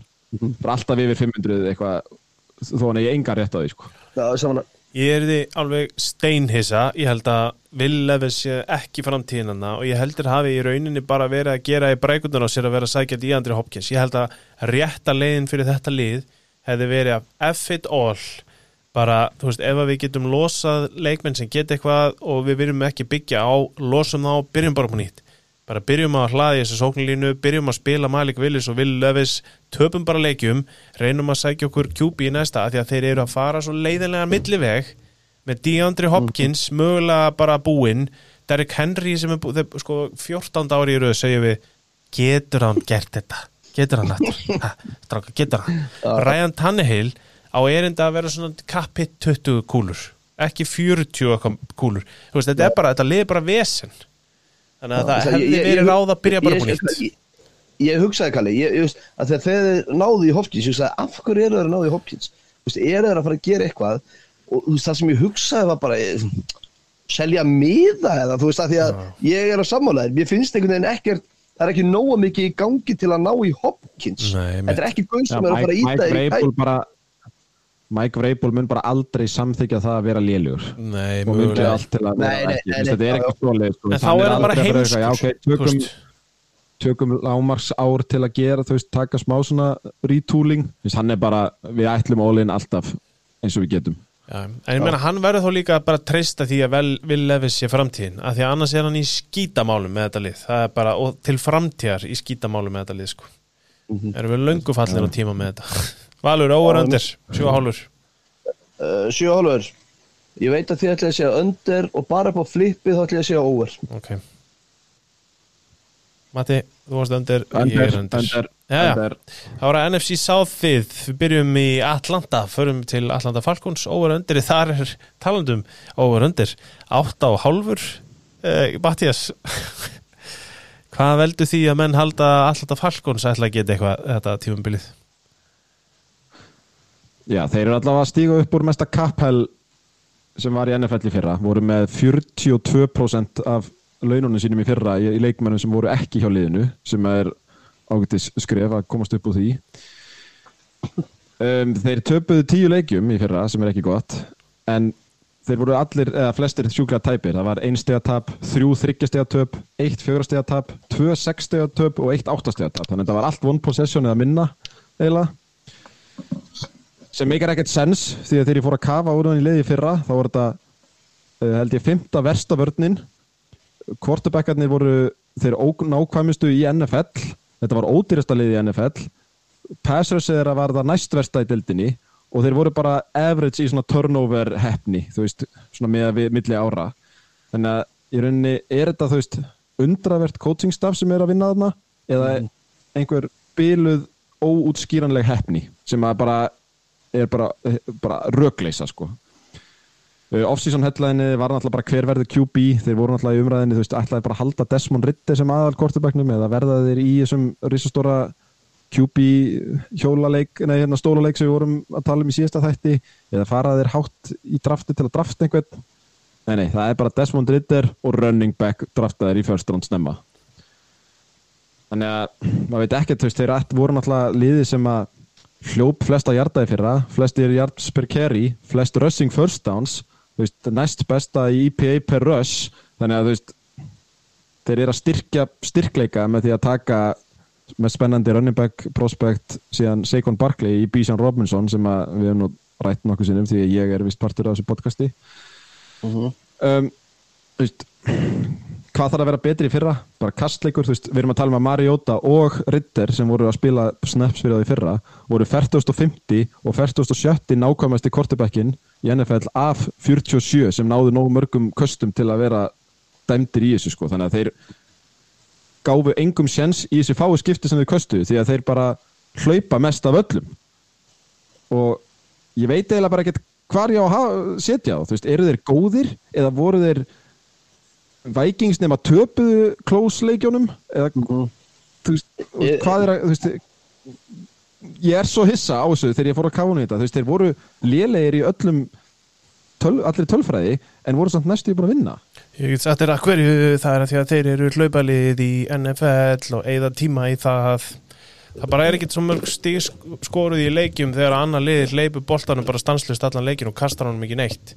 Menn, það, er það ekki bara hið augljósa svar? Ef að leikinnir eru allir í one possession það er bara því að veist, þannig fótbolta spilar Atlanta Falcons. Þeir kveikja bara í já, klukkunni. þeir, já, já, þeir hæja á leikjum og svona en þetta er samt, þú veist, með hvað vörnum var léleg þá hefði hinn liðin bara í þessi fái skipti sem fengu boltan átt að skora fullt á stigum. Þetta er alveg valið punktur en þetta lið er alveg þannig þetta er stór undarlegt lið sko. Já, Ég- en- ég- ég- Mér finnst það spennandi sko. Það, er akkurat það sem ég ætla að koma inn á. Af hverju finnst mér þið spennandi? Af því að það er með Bísan Robinson þú með Drake London, þú með Kyle Pitts þú með góða sóknarlínu og ég er ekki spennt yfir Desmond Ritter og ég held að það sé ástæðan fyrir að, að ég er ekki háraðum í ár en Nei, þeir- Smith að gera mjög góða hluti og þú, að mínum að þið, ertu líka með á næsta ári þrjá af mest spennandi ungu leikmennum í deildinni í London, Pitts og Robinson. Já, það er einmitt máli og þeir fá sér örgulega best að lausa safety inn í Jesse Bates. Þú veist, nálóksins hann að eigða penningunum sínum og e- e- hérna slatta penning í David Onayamata til að bæta varnalínuna í miðjunni og er að fá svona high upside cornerback þarna inn til að gera eitthvað á móti AJ Terrell sem er bara top top cornerback sem hefur aldrei náða verða eitthvað frægur innan gæsalappa út af því að hann er alltaf partur af þessu liði sko. en ég veit ekki, þú veist við erum með náttúrulega breakout kandidata og mér finnst það ekkert eðlilega leiðilegt ég nenni ekki svona að segja, þú veist, Kyle Pitts því að Kyle Pitts á bara að fá að vera Kyle Pitts og getur við bara gefið Kyle Pitts góða sendingar, skulum bara byrja á því. En þetta er náttúrulega fyrir bara í allt í gegnum Bijan Robinson, þú veist, hann á bara að vera vélinn þeirra, hann á að vera þeirra Henry, þú veist, hann kemur náttúrulega úr Titans Arthur Smith. Þó hann síðan kannski ekki eins byggður en hann á að vera vélinn og þeir ætla ekkert að breyta hennu gáðu ykkar vísbendingar um það í draftinu, draftuðu besta run blocking takkulinn og hann verður guard. Þú veist, þetta, þeir ætla bara að hlaupa og eru ekki að og skamma sín ekkert fyrir það sko. það er, það er Lindström eða ekki? Ah, Það er Chris Lindström. Það er þessi gard sem múst að tala um. Sko um, ég, ha, nei, nei, hann, hann fekk stærsta guard samningin en þeir dröftuðu líka besta run blocking guardin til að vera hinum einn ah, er það þessi, Hver er það? Hvað, Mástu hvað hann heitir? hann heitir hérna Bergeron Já. Ah, já, hann er bara, Bergeron. ok, hann er bara í second línunni á ESPN, sorry, hann fóð fram hjá mér. Hérna uh, Ok, spennandi segiði Drake London er mjög spennandi vætri síður Mark Collins og Scotty Miller eh, ekkert sérstaklega. Uh, Kyle Pitts í tight endinum og Jonu Smith og baku hann, þú veist, jú, jú, fínt en það er enginn til að kasta turinu á þessa gæja maður Nei, það, sko, ég er sammálaður en þá getur þetta ekki verið spennandi, Jú, hvað? að horfa á það veist, hlaupa upp völlin og svo, hlaupa, þú veist, og svo gerist ekki neitt. Robinson, ég er mjög spenntur að sjá já, Robinson. já, ég veit að það, hann er spennandi Falkóslið hildur ekkit spennandi. Hugsið ykkur bara, Já, þú veist, ég- ég- það síðasta sem ég mun nokkuð tíman segja er að þú munt ekki sjá einasta fantasíli hjá mér með, með Drake London eða Kyle Pitt, sko, bara glimtu hugmyndinni þetta er ég, svo ég, minn- mér minnir að London og Ritter hafi náð rosalega vel saman í síðustu tveimu leikjunum við fyrir það eitthvað. Alveg með eitthvað, ég man ekki hvað marga ég er það, það skiptir ekki öllum máli. Að ég skil, að- ég, Matti, ég, nei, Kalli ég, ég skil alveg, ég skil punktin og ég sammálaði með Desmond Ritter en það breytið ekki að mínum að þið, aftur svo ég endurk mig þeir eru með þrjá mest spennandi ungu gauðra í Okay, þú veist, það, það, er margt til í þessu liði en nema s- bara því miður er eina staðan sem einhverju svona stærstu máli skiptir er bara skelvileg og Já, en, en, en hver er næst mikilvægast staðin í NFL, backupin og það er Tyler Heineke. Já, það er- er minn maður, Heineki Já, það getur er þinn maður, það gleymist átt Þið eru miklu félagar. Hérna, Nei, nei, veist, ég veit ekki, jú, jú þetta, Ég veit ekki hvernig þessi sóknlína er Val- Valsi mist út í sér á, hún væri góð Það er er bara ekki mín reynsla af Falcons, þannig að I believe it when I see it, sko. Um, er en hins vegar varnarlega er þetta rétt sko, ég meina Jeff Okuda, Jesse Bates uh, AJ Terrell, Bud to Bree við skulum ekki gleyma því, hann er hann Grady Jarrett uh, David Mhm. Onyemata, Calais Campbell það eru nöfn sem að uh, við þekkjum og rúmlega það í þessu varnar uh, þessum varnarhópjöfum uh, Matti, ég ætla að vera að stoppa þig viltu koma að einhverju fleiru að varandi Falcons?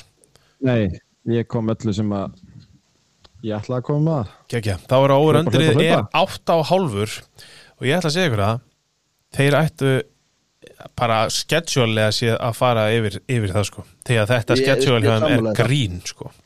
Já, Þetta er næst auðveldast að sketsja í deildinni sko. Þetta er þetta bara er rosalega fyrir, fyrir hlustendur bara uh, sko þeir fá, bara ég ætla bara að fara yfir þetta hérna því að við erum nú við erum í, í yfirferð. Þetta er Panthers, Packers, Lions Heima. Já. Jaguars, Texans, Commanders, Buccaneers, Titans, Vikings, Cardinals, Saints, Jets, Buccaneers, Panthers, Colts, Bears, Saints. Hvað er eitt svona mjög gott lið hérna? Það er Jets. og það er ennþá alveg spurningamerki Annars er Heyrðu, ekkert lið hérna sem að er, þú veist, mjög gott. Þó meina ég bara svona topp fjóri lið.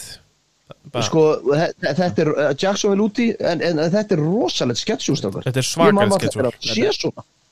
Og ég menna Þetta er bara, gefins. þú veist, mann Þetta er ígust í fyrra sketsjól sko. Að 100% og maður ma myndi alveg, ma- þú veist, ég tristi mig samt ekki til að segja þetta er over vegna þess að þeir eru ekki með kortebakk sem ég tristi, sko, þannig að uh, Ég skilji, ég ætla að setja úr Matti, Já, ég líka. Over, over, þá segi ég undir þetta er ekki flóki. Heru, þá er það næst uh, Carolina Panthers og það er over underið 7,5 og Valur, af hverju? Af því að þeir eru með uh, nýjan leikstjórnunda sem heitir Bryce Young. Mm. og hann á að vera ofsalega góður að kasta amerísku fótbolta. Já, já, og, og, og að hlaupa með amerískan fótbolta og að vera lítil á vellinum og hann á vist bara að hafa allan pakkan nema náttúrulega hann er löggiltur smámaður Já, hann er ekki hár í loftinu, við skulum ekki fara inn eina grákvöldu með það. En þetta er að mínu mati líka og aftur, nú er maður komin í þetta dæmi hérna, þetta er spennandi lið sem að, er með, sko, þeir eru með upside, en þeir eru líka með, hvað ætla að hlæja, það er finnst allt spennandi.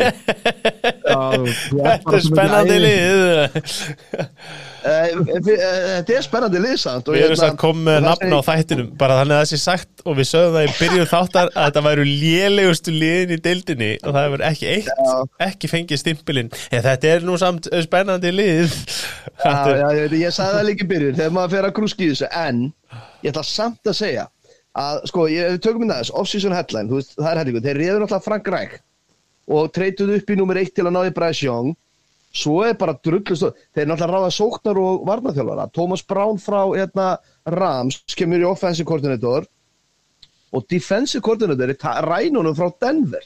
Þannig að e, e, Jairo Evero Já. sem var, gerði frábæra hluti með Denver í fyrra. Svo það sé á hreinu. Og hérna og það, ég, ég var að, hvort ég var að hlusta á pot eða hvort ég var að lesa eitthvað, það sem var satt bara, heyrðu, eigandinn sem er ekki búin að sérst einhver eigandinn, er held ég ríkast eigandi dildin eða eitthvað, hann sagði bara, heyrðu það er ekkert laun að það ekki þjálfaradæmi.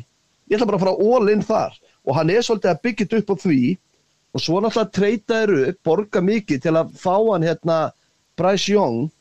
Og eftir að nafni hans Matta Tim, Rúl var næstu búin að sem, er, það sem að hann var með svo hrókafullt hann var bara, heyrðu, ég þarf ekkert QB ég er bara QB sem ég fæ, hann þarf bara að vera miðlungsgóður og hann aðlæðast að mínu kerfi sem var bara enga megin. Ég var með þetta að skrifa, hverju voru QB þetta var sko, ah, ég var með þetta að skrifa ekki staðar, QB sem voru að hlaupa á. Var Ted, hvað? Teddy Baker. Bridgewater, Sam Darnold, Baker. Þetta var ekki einu svona afrið sko. Þú veist, þetta var bara djók og núna alltaf að Herru, sorry, Já. Cam Newton sko, aftur maður ekki gleyma því, comeback hjá Cam Newton. Já, þú veist, þannig að þú veist, í raun og veru er hann bara að undúa það sem að Matt Rúl var að gera hann, hann ræk, vinnur okkar. Og hérna, og fá Miles Sanders inn líka. Og hérna, og sem ég er svolítið spenntur að sjá hvað hann gera, því að hann alltaf var á eftir fyrir aftan bestu sóknulínu dildarinnar hjá, Jack, eh, hjá hérna, Eagles í fyrra með Jalen Hurst sem að menn voru svolítið að passa myndi hlaupa, þannig að spurning hvort að hann er sama productioni hjá Panthers í ár skilji, en þú veist, eftir sem áður þá, þú veist, af því að þú ert með Frankræk, þú ert með þroskaðan þjálfara sem á að koma, þú veist, bara þessu prospekti sem Bryce Young á að vera inn í deildina og inn í rytma og annað, að þá er þetta bara, þú veist, það verður mjög forvöndin að sjá, ég þór ekki að segja spennandi, verður mjög forvöndin að sjá hvað þeir munu, hvernig þeir munu vegna, sko. Þetta er áhugavert lið, ég get alveg verið sammála því Yes. Það, það Og þeir eru með geggjaða vörn. Það er nefnilega málið sko Já. Málið er að, að hérna, uh, við sitjum hér og við segjum þeir eru með mjög unga og spennandi vörn en Mhm. fyrir svona hinn venjulega NFL-góm getur þú hort yfir þennan list, lista og þú þekkir tvö, þrjú nöfn og ekki Mhm. endilega af góðu Mm, ja, þá meina ég- er.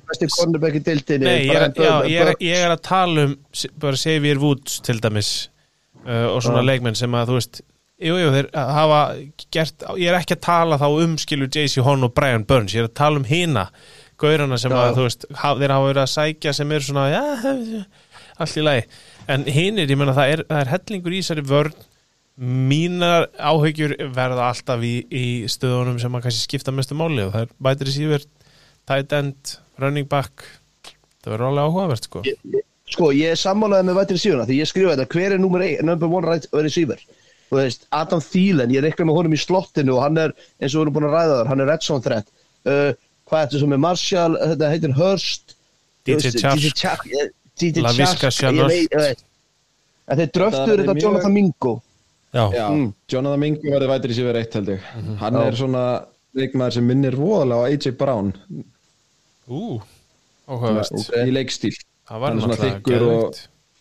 Já, ég held að nema ég fái loksins hérna Leviska Sinolt breakoutið mitt sem ég er búin að vera að býða eftir í fjögur ár. Sammála því. Fyrir um leikmann hérna, svo- Jaguars svo er annað, þú veist, þeir eru að taka hana Bryce Young og þeir vita bara, eru, fáum Frankræk þú veist sem við treystum til að svona að vera, þú veist, stabill og bara mótan svolítið, ekki vera með eitthvað kæftæði og fá svo Andy Dalton á bakvið sem að mér finnst líka drullu sniðut hafa vetterinn á bakvið til að hjálpa honum og, veist, ef eitthvað fyrir fokk þá getur hann komið inn á, skiljið hvað menna Já, já, Þannig veist, ég, já, og þú veist, og ef við tökum sko byrjuninni tímabilinu fyrra strákar, eða bara tímabilið fyrra, þegar vorum við PJ Walker, Baker Mayfield og Sam Darnold sem leikstjórnundu sko. Matt Corral sem er náttúrulega eitt af pekkunum síðust árin líka sko Já, þú veist, þannig að, ah, er- þannig að ég held að þetta, ég, ég held samt að við séum á árinu, á undan árinu, Árinu Já, já, já, sérst, við erum á árinu, á undan, árinu og undan, grann sens. Já. Ég bara, ég, ég er ekki að kaupa þetta Bryce Young dæmi. Gæin er svo fucking lítill veist, þetta Já, við galið. höfum rætt þessa myndir á honum. Þú veist, hann er bara svo lítill og þú veist, ég held svo mikið með honum. Þú veist, ég held miklu meira með honum heldur en Kyler sko. En þú veist, það er það getur hann staðið á þeim ég- til þess að gera sér stærri Þú veist, hvað, hérna Ég, sko, ég ætla samt að segja, Kalli, að þú veist, þegar hann var draftaður og þegar allir er að tala um hann og þegar að gauðra sem að vita helmingi meir en við, allir til saman sem NFL, er að tala um hann og hann er draftaður nummer eitt. hann, þeir vita alveg hvað hann er stór, sko, þeir eru að tala um hann. 100%. Þeir eru ekki bara, heyrðu, þessi geggja og svo bara, heyrðu, hvað er hann, 1.75? Skilur, það, þú veist, þannig að ég, eins og segja, ég bara vonast til að þeir viti meira við og, og hann sé ekki svona góður. En það er eins og ég segi, ég held með honum Ég held aldrei með Kyler Murray, mér finnst það bara leiðileg típa skilur Young er miklu skemmtilegri íþróttamaður heldur en Kyler Murray þannig að, en, en það er samt já, ég vona innilega að Young kom inn og veri góður að því að mér finnst ég mynd, ég, sko, þessi, þessi, má segja ímislegt um eigandan hann sé ekki góður og eitthvað en hann hefur samt alltaf hrúa peningum í verkefnið skilur, hann hefur alltaf Mm, gert ég- það já. en hann ákvarðanna sem, sem að GM-andinn hans hafa tekið og annað eru bara lélegur ég er ekki endilega, þú veist, vissum að það sé hann að sagast og þess vegna finnst mér að hann fór bara út og hann bara, herru, þetta er gæinn sem að ég ætla að fá hérna í defensive coordinator. Have all the millions, já, nóa þeim. Fíla það, fíla hvað hann er búin að gera upp á það að gera uh, væri stundum til í svoleiðis eigendur hjá uh, Green Bay Packers en það er svo annar mál. Heyrðu, Uh, já, en hérna, en sorry, að lokum uh, þessi deild, NSC South það því við hefum bara eitt lið eftir nei, þetta er bara annar lið, mm -hmm. að það tekur sömur eftir sorry, Já. ég held að við erum á en, ekki já, máli en ég hef ekkert verið að segja svona bara, þú veist, ég er actually spenntu fyrir Panthers og mér finnst þær Ég- en, en þú veist, eftir tvö ár þá verða þeir góðir. Og, hvað, og þeir náttúrulega missa DJ Moore í treytinu til að fá Young, ég verða að nefna það. Þeir missa hérna, DJ Moore sem að var þeirra vætið sér eitt. Og þú veist, það er náttúrulega huge missir sko. Já, og já. hérna og CMC í fyrra og, líka. já, já, já, og náttúrulega McCaffrey í fyrra, já. Þannig að, að já, þetta er en eins og ég segi, bara fýtt roster spennandi, QB fyrsta sinna þjálfara á QB, fín sóknarlega góð vörd en árið fyrir, árið fyrir Mhm. skrifa þetta.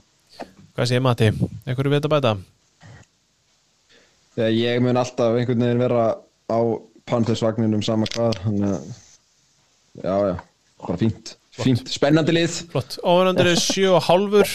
Hvar eru við? Ég er undir. Það er nefnilega það sem er erfitt sko. Ég ætla að segja over.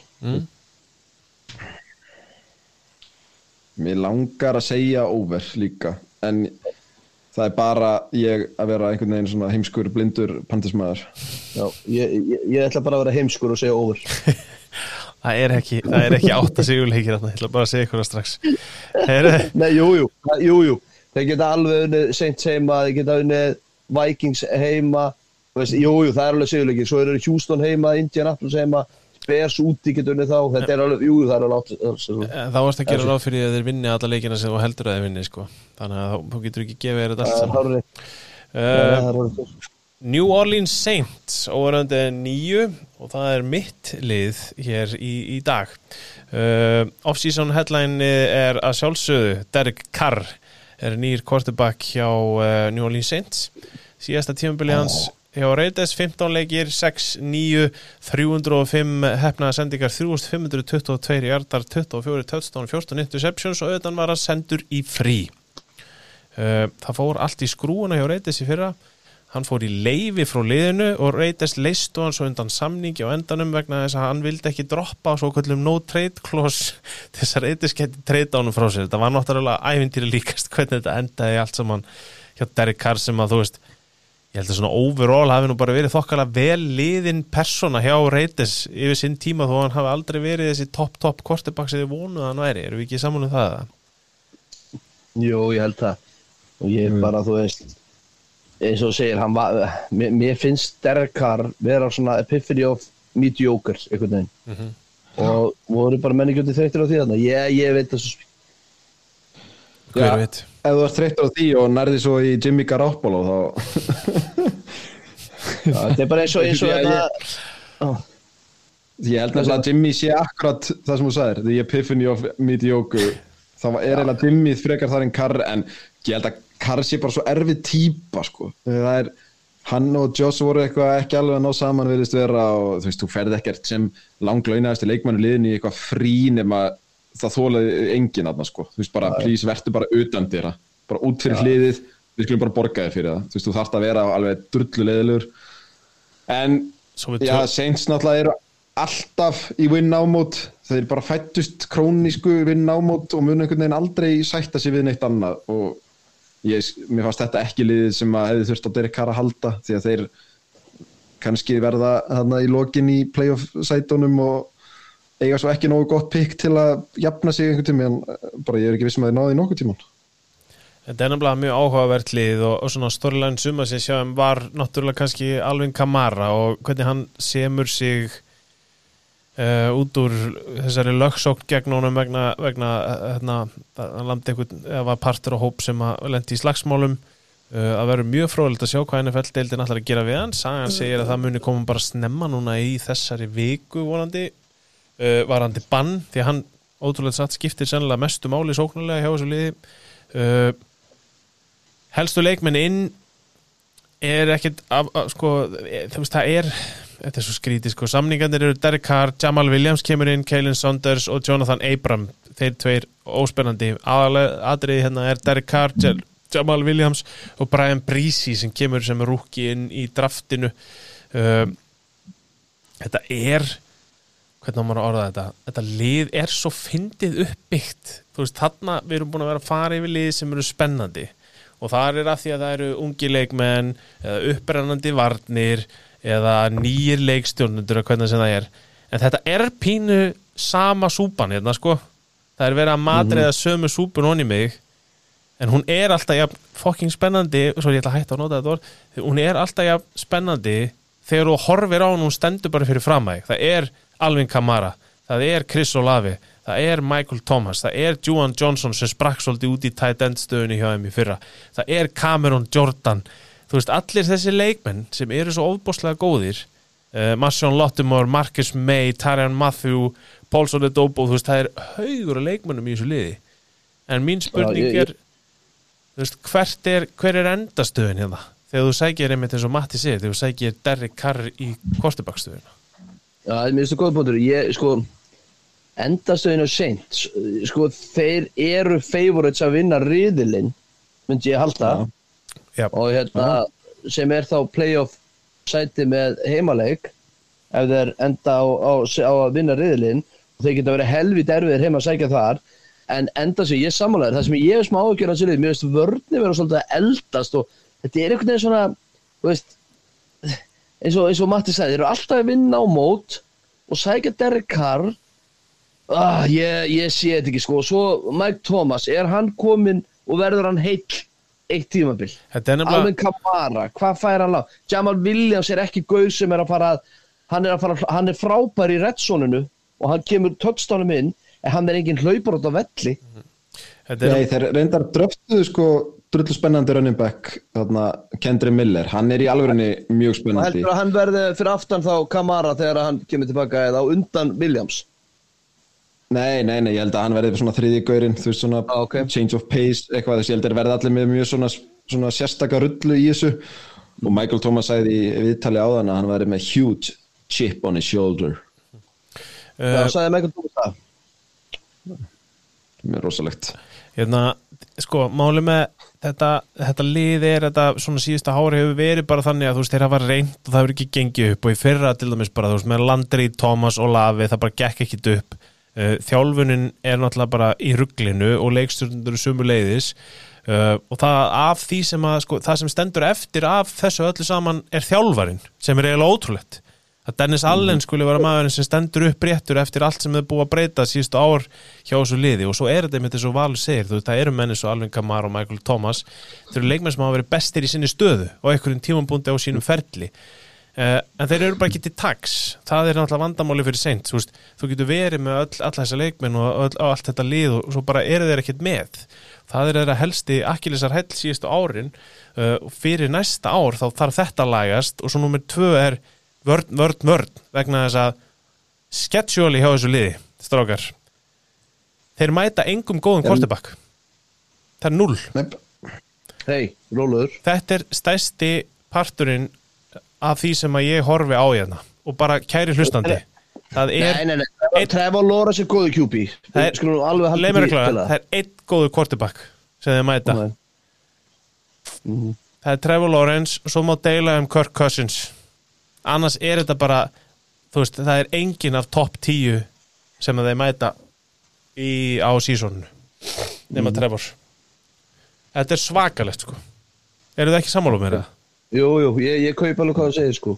Og þessi vörn sem að þeir eru að byggja hana sérstaklega aftast af varnalínan er það sem mun breyta leiknum. Og ef þessi vörn getur mætti leiks haldið þessu liði á floti og Derek Carr getur gert eitthvað úr þessari sókn. Alveg Kamara er með og Michael Thomas sko maður ekki glemma því þeir eru líka með James Washington. Þeir hafa verið svona Traycon Smith hefur alltaf verið ágætur vætri síver þrjú. Það er smá britt í þeirri stöðu. Ef að Matti hefur rétt fyrir sem er Kendri Miller árum með þrjá mjög frambærilega running backa það er ímislegt til hann sko. Já, en segðu mér eitt, þetta Dennis Allen, hann var varnarþjólar, ekki rétt munið það mér? Jú, heldur betur. Já, Já, og er ekki vörnin hjá Sveinsson búin að vera svona það sem að er búið að fungera hjá þeim í gegnum allan Jú. tíma. Heldur betur. Þannig að er það Það ekki er bara ástæðan fyrir að hann er þarna áfram sem head coach? Ekki er það sóknin, ég get alveg lofa þér því og ég meina, Pete, Pete Carmichael er offensive coordinator, hann er búin að vera þetta í 14 ár. Já, og ég meina Dennis Allen er búin að vera þannig í haug á árum þar á undan líka sko, þannig að Já, þú veist uh, vörnin er það sem þarf að draga þetta lið áfram, þeir eru náttúrulega með eitt besta kikkarinn í deildin á sínum degi þess, þetta er, það er hellingur í þessu liði og ég veist, það er ástæði fyrir því over under eða henda á nýju, ég fyrir alveg bara, ég fyrir over allan daginn í dag sko, ef að Thomas, Kamara og þetta lið mætir allt saman til leiks þá eiga hérna, sko, New Orleans Saints að sigla lignan sjó í tíu leiki sigurleiki á þessu tíðumbili það er bara svo leiðis sammálaður, ég solti ég, ég, sko, mér finnst ég er með sömu spurningu fyrir öll, öll liðið þessari reyli og það er hvað QB-in mun gera sko. Mm -hmm. að að veist, uh, það mála haldaði fram að þetta sé lélægast að QB-riðil í, del, í deildinni. Já, þú veist, þú veist með Rookie, Bryce Young svo veist með Derek Carr, svo veist Desmond Ritter og hvað, Baker Mayfield? Já, þetta er ekkert, þetta er ekkert, ekkert til að ringja heim fyrir. Og ég, eins og segir eins og þú nefndir áðan Kalli að þú treystir ekki Atlanta út af Ritter þá er ég, ég, ég treysti Saints að mörguleiti til að fara yfir nýju sigra eða í kringum nýju en ég er samt með á smá lís af því ég veit ekki hvað ég treysti Derek Carr. Ég treysti þessu liði með James Winston til að vinna tíu leiki. Ég skil þig, ég, ég skil hvað mér er þessu sketsur ég skil þig. Þú veist, Derek Carr, James Winston það skiptir mig eiginlega yngu máli. Taysom Hill er að fara, er náttúrulega en, en þó að fara að skemma fantasíliðin ykkar. Um, en Derek Carr er fyrir mér, þú veist, ennþá alveg bara uh, bare medium gæi ef að sóknarlínan heldur, þá getur hann alveg verið aðna og þess að ég segi, Joan Johnson var góður í fyrra, þú veist, það er hellingur í þessu lík Chris Olave er bara framtíðin fyrir vætri síðustöðunni Mm, það er hellingur í þessu lið og ég er einmitt eins og þú segir, maður er nú bara að fara yfir þetta og skoða þetta og fara leikmann fyrir leikmann og ég er bara seldur. Þetta liðið okay. sko, en við skum hafa þar hennu þeir vinna, þeir vinna 11 leiki uh, 10-11 leiki fjúka út úr play-offs gjössanlega loppað út úr play-offs bara á raskinunum sko með brunasára á, á bakinu sko. Það er enda stöðin þeirra sko. Fá heimaleik. Á heimaleik, það er bara mjög engum máli skipta held ég sko. Stutt að fara heim þá þegar Já. við hend út. Nákvæmlega. Herru, síðasta liðið er Tampa Bay Buccaneers, fyrirgjöðu, sorry, New Orleans Saints, overendur er nýju, eru þið overendur?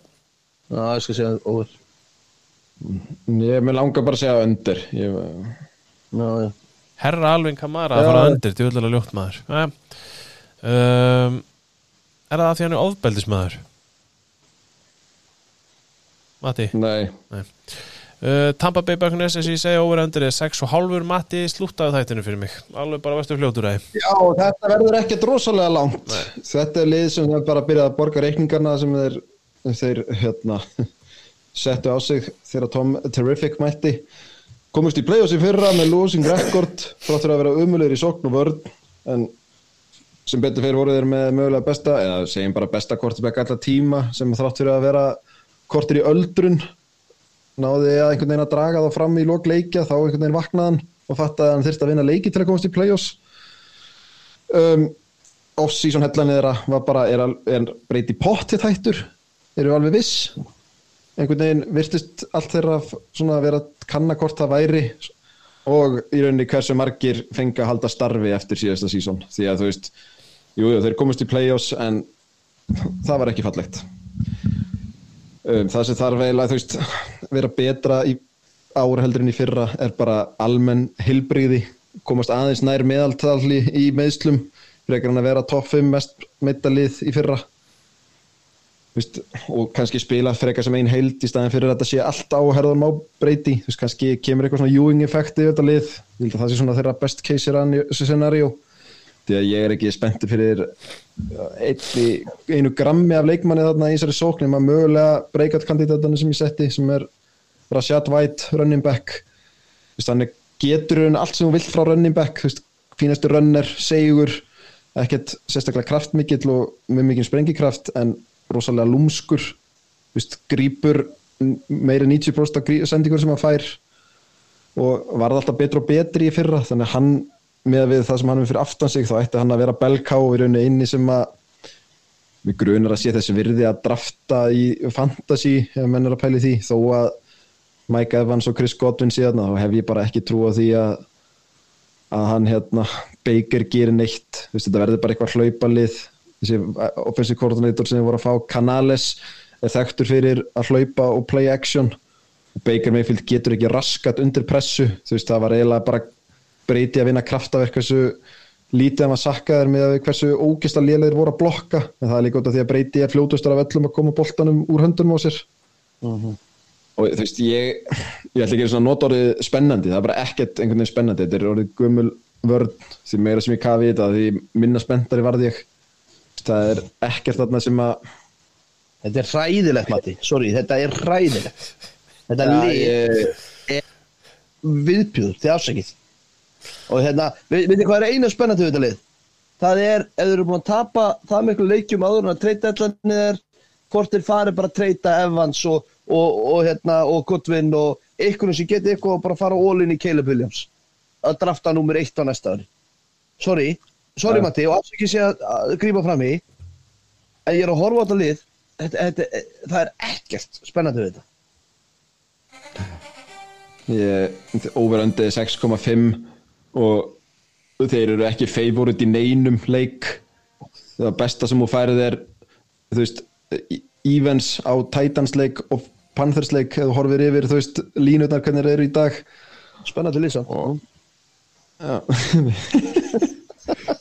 Nei, þetta er bara under húsið og under have fun Heru, ég, ég meira þess að ég googlaði eitthvað í dag og, eða, veist, það var eitthvað hérna sem að, að QB2 er að spila betur en Baker Mayfield í treiningkjent hvað, er- Trask eða eitthvað, what er þetta Já, Kyle Kyle Trask. Trash hvað heitir hann? Er Kyle? Trask Já, Trask, já svo er það með Wolford Já, já. vélina sem var í Rams eða náttúrulega bara, þetta liðir agalegt og það er ógeðslega líka leiðilegt að segja það einmitt að því að sko það er Mike Evans, það er Chris Godwin það er Russell Gage, veist þessi sóknarlína er, eru menn þar eins og Tristan Wirfs og Ryan Jensen og, og Má, Mák, hann að hvað sem hann heiti, Cody okkar maður, by the way uh, sem átt að vera í Packers.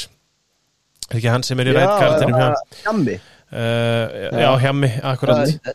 Uh, og svo hinum einu minna, hugsi ykkur Vita Veja, Devin White Levante David en samt emmaður er það Shaq bara Barrett sem þetta er er sko. meira drasli sko þetta er bara sko, hvernig getur, þetta hvernig alveg- réttleitt það að fara í tímabili með Baker Mayfield sem leikstur þetta mjög góð Já, ég, sko, það sem er líka klikkast í þessu, þeir náttúrulega eru með næst mesta deadcapið í, í, í deildinni með 75 miljónir sem eru ekki, til leikmanna sem eru ekki hjá þeim sko, sem að náttúrulega hefur sitt að segja já, en svo líka eiginlega helsti punkturinn sem að ég er ekki búin að minnast á er að þetta er bara svo rosalega illa þjálfað.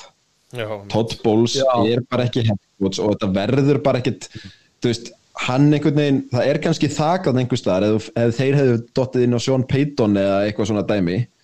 Það er alveg hægt að hafa eitthvað þak á öllum þessum leikmönnum en guðminn góður hvað ég hef enga trúið að Todd Bowles rífi eitthvað upp Þú Nei, veist, hann, hann er örgulega valla að standa upp úr rúminu sjálfur sko. nei, nei, ég ég held það saman já, góðan dag var þetta ég? Já, þetta var þú Þetta var Ég business. ekki Ég beist afsökunars, þetta var óvart hérna, ég er að undirbúa undirbúa lokin á þættinum hérna á baku tjöldin uh, glinda að lækja í uh, Bluetooth Hvað er spilarum þetta búin að vera langt, Kalli? Það eru 1.37, ég er búin að halda ykkur á tánum kallinn ok, vel gert, ég held að vera lengra Nei, nei, nei, nei. sem að, veit ég, ég veit ekki hvað það er jákvæmt Ég, það er ekkit Val, sérstaklega jákvæmt. þetta er allt svo spennandi Þetta er bara Þetta er allt svo svo spennandi. ofbáslega spennandi sko. Herru, meinin, ég er alveg hérna bara með svona, hérna uh, nú Birgir að senda okkur skilabóð og eitthvað svoleiðis, það er allt komið á fullt hérna hjá mér. Uh, Ég held að við séum bara nema að það sé eitthvað meira að ræða um þetta blessa tampalið þá hérna á Guð. við, ég er bara búin að missa En, tökinu en það er kannski alltaf að nefna að það eru þrýr dagar í fyrsta leik í NFL hann er á, er á fimmtæðin eða tveir dagar er ekki hól og já, ekki á morgun heldur hinn. Já, í raun og veru þegar þetta er dropp og það er á tekið upp þegar þetta tekið upp. Það fyrir eftir ég mitt Birgir var að Hall senda of hérna. Fame game. Jets Browns, allir Rodgers spili? Nei, nei, Zach Wilson er startir Ú, ok, spennandi. Það er svo langt í að eitthvað verði mjög spennandi í, eh, í, í þessu en, en þetta er að byrja. Það þýðir að það eru bara, bara hvað, fjóra vikur í alvöru leiki? Fimm vikur? Já lit Herðu, hérna, skemmtilegt að frétt vikuna var að mæta. Okkar maður Dan Campbell vildi fá ljón alvöru ljón á hliðalínu á æfingum. En, en deildin bannaði hann það, er, sko, ég, ég, er, ég er að hækka á Dan Campbell vagnunum ég, veist, mér finnst hann actually svona ég held hann sé alveg þjálfari. Svo koma svona fréttir þar sem ég hugsa bara þetta er bara eitthvað frapp Hann er sjúkling er já, þetta er bara eitthvað frappbói sem er þetta að berja guður að það.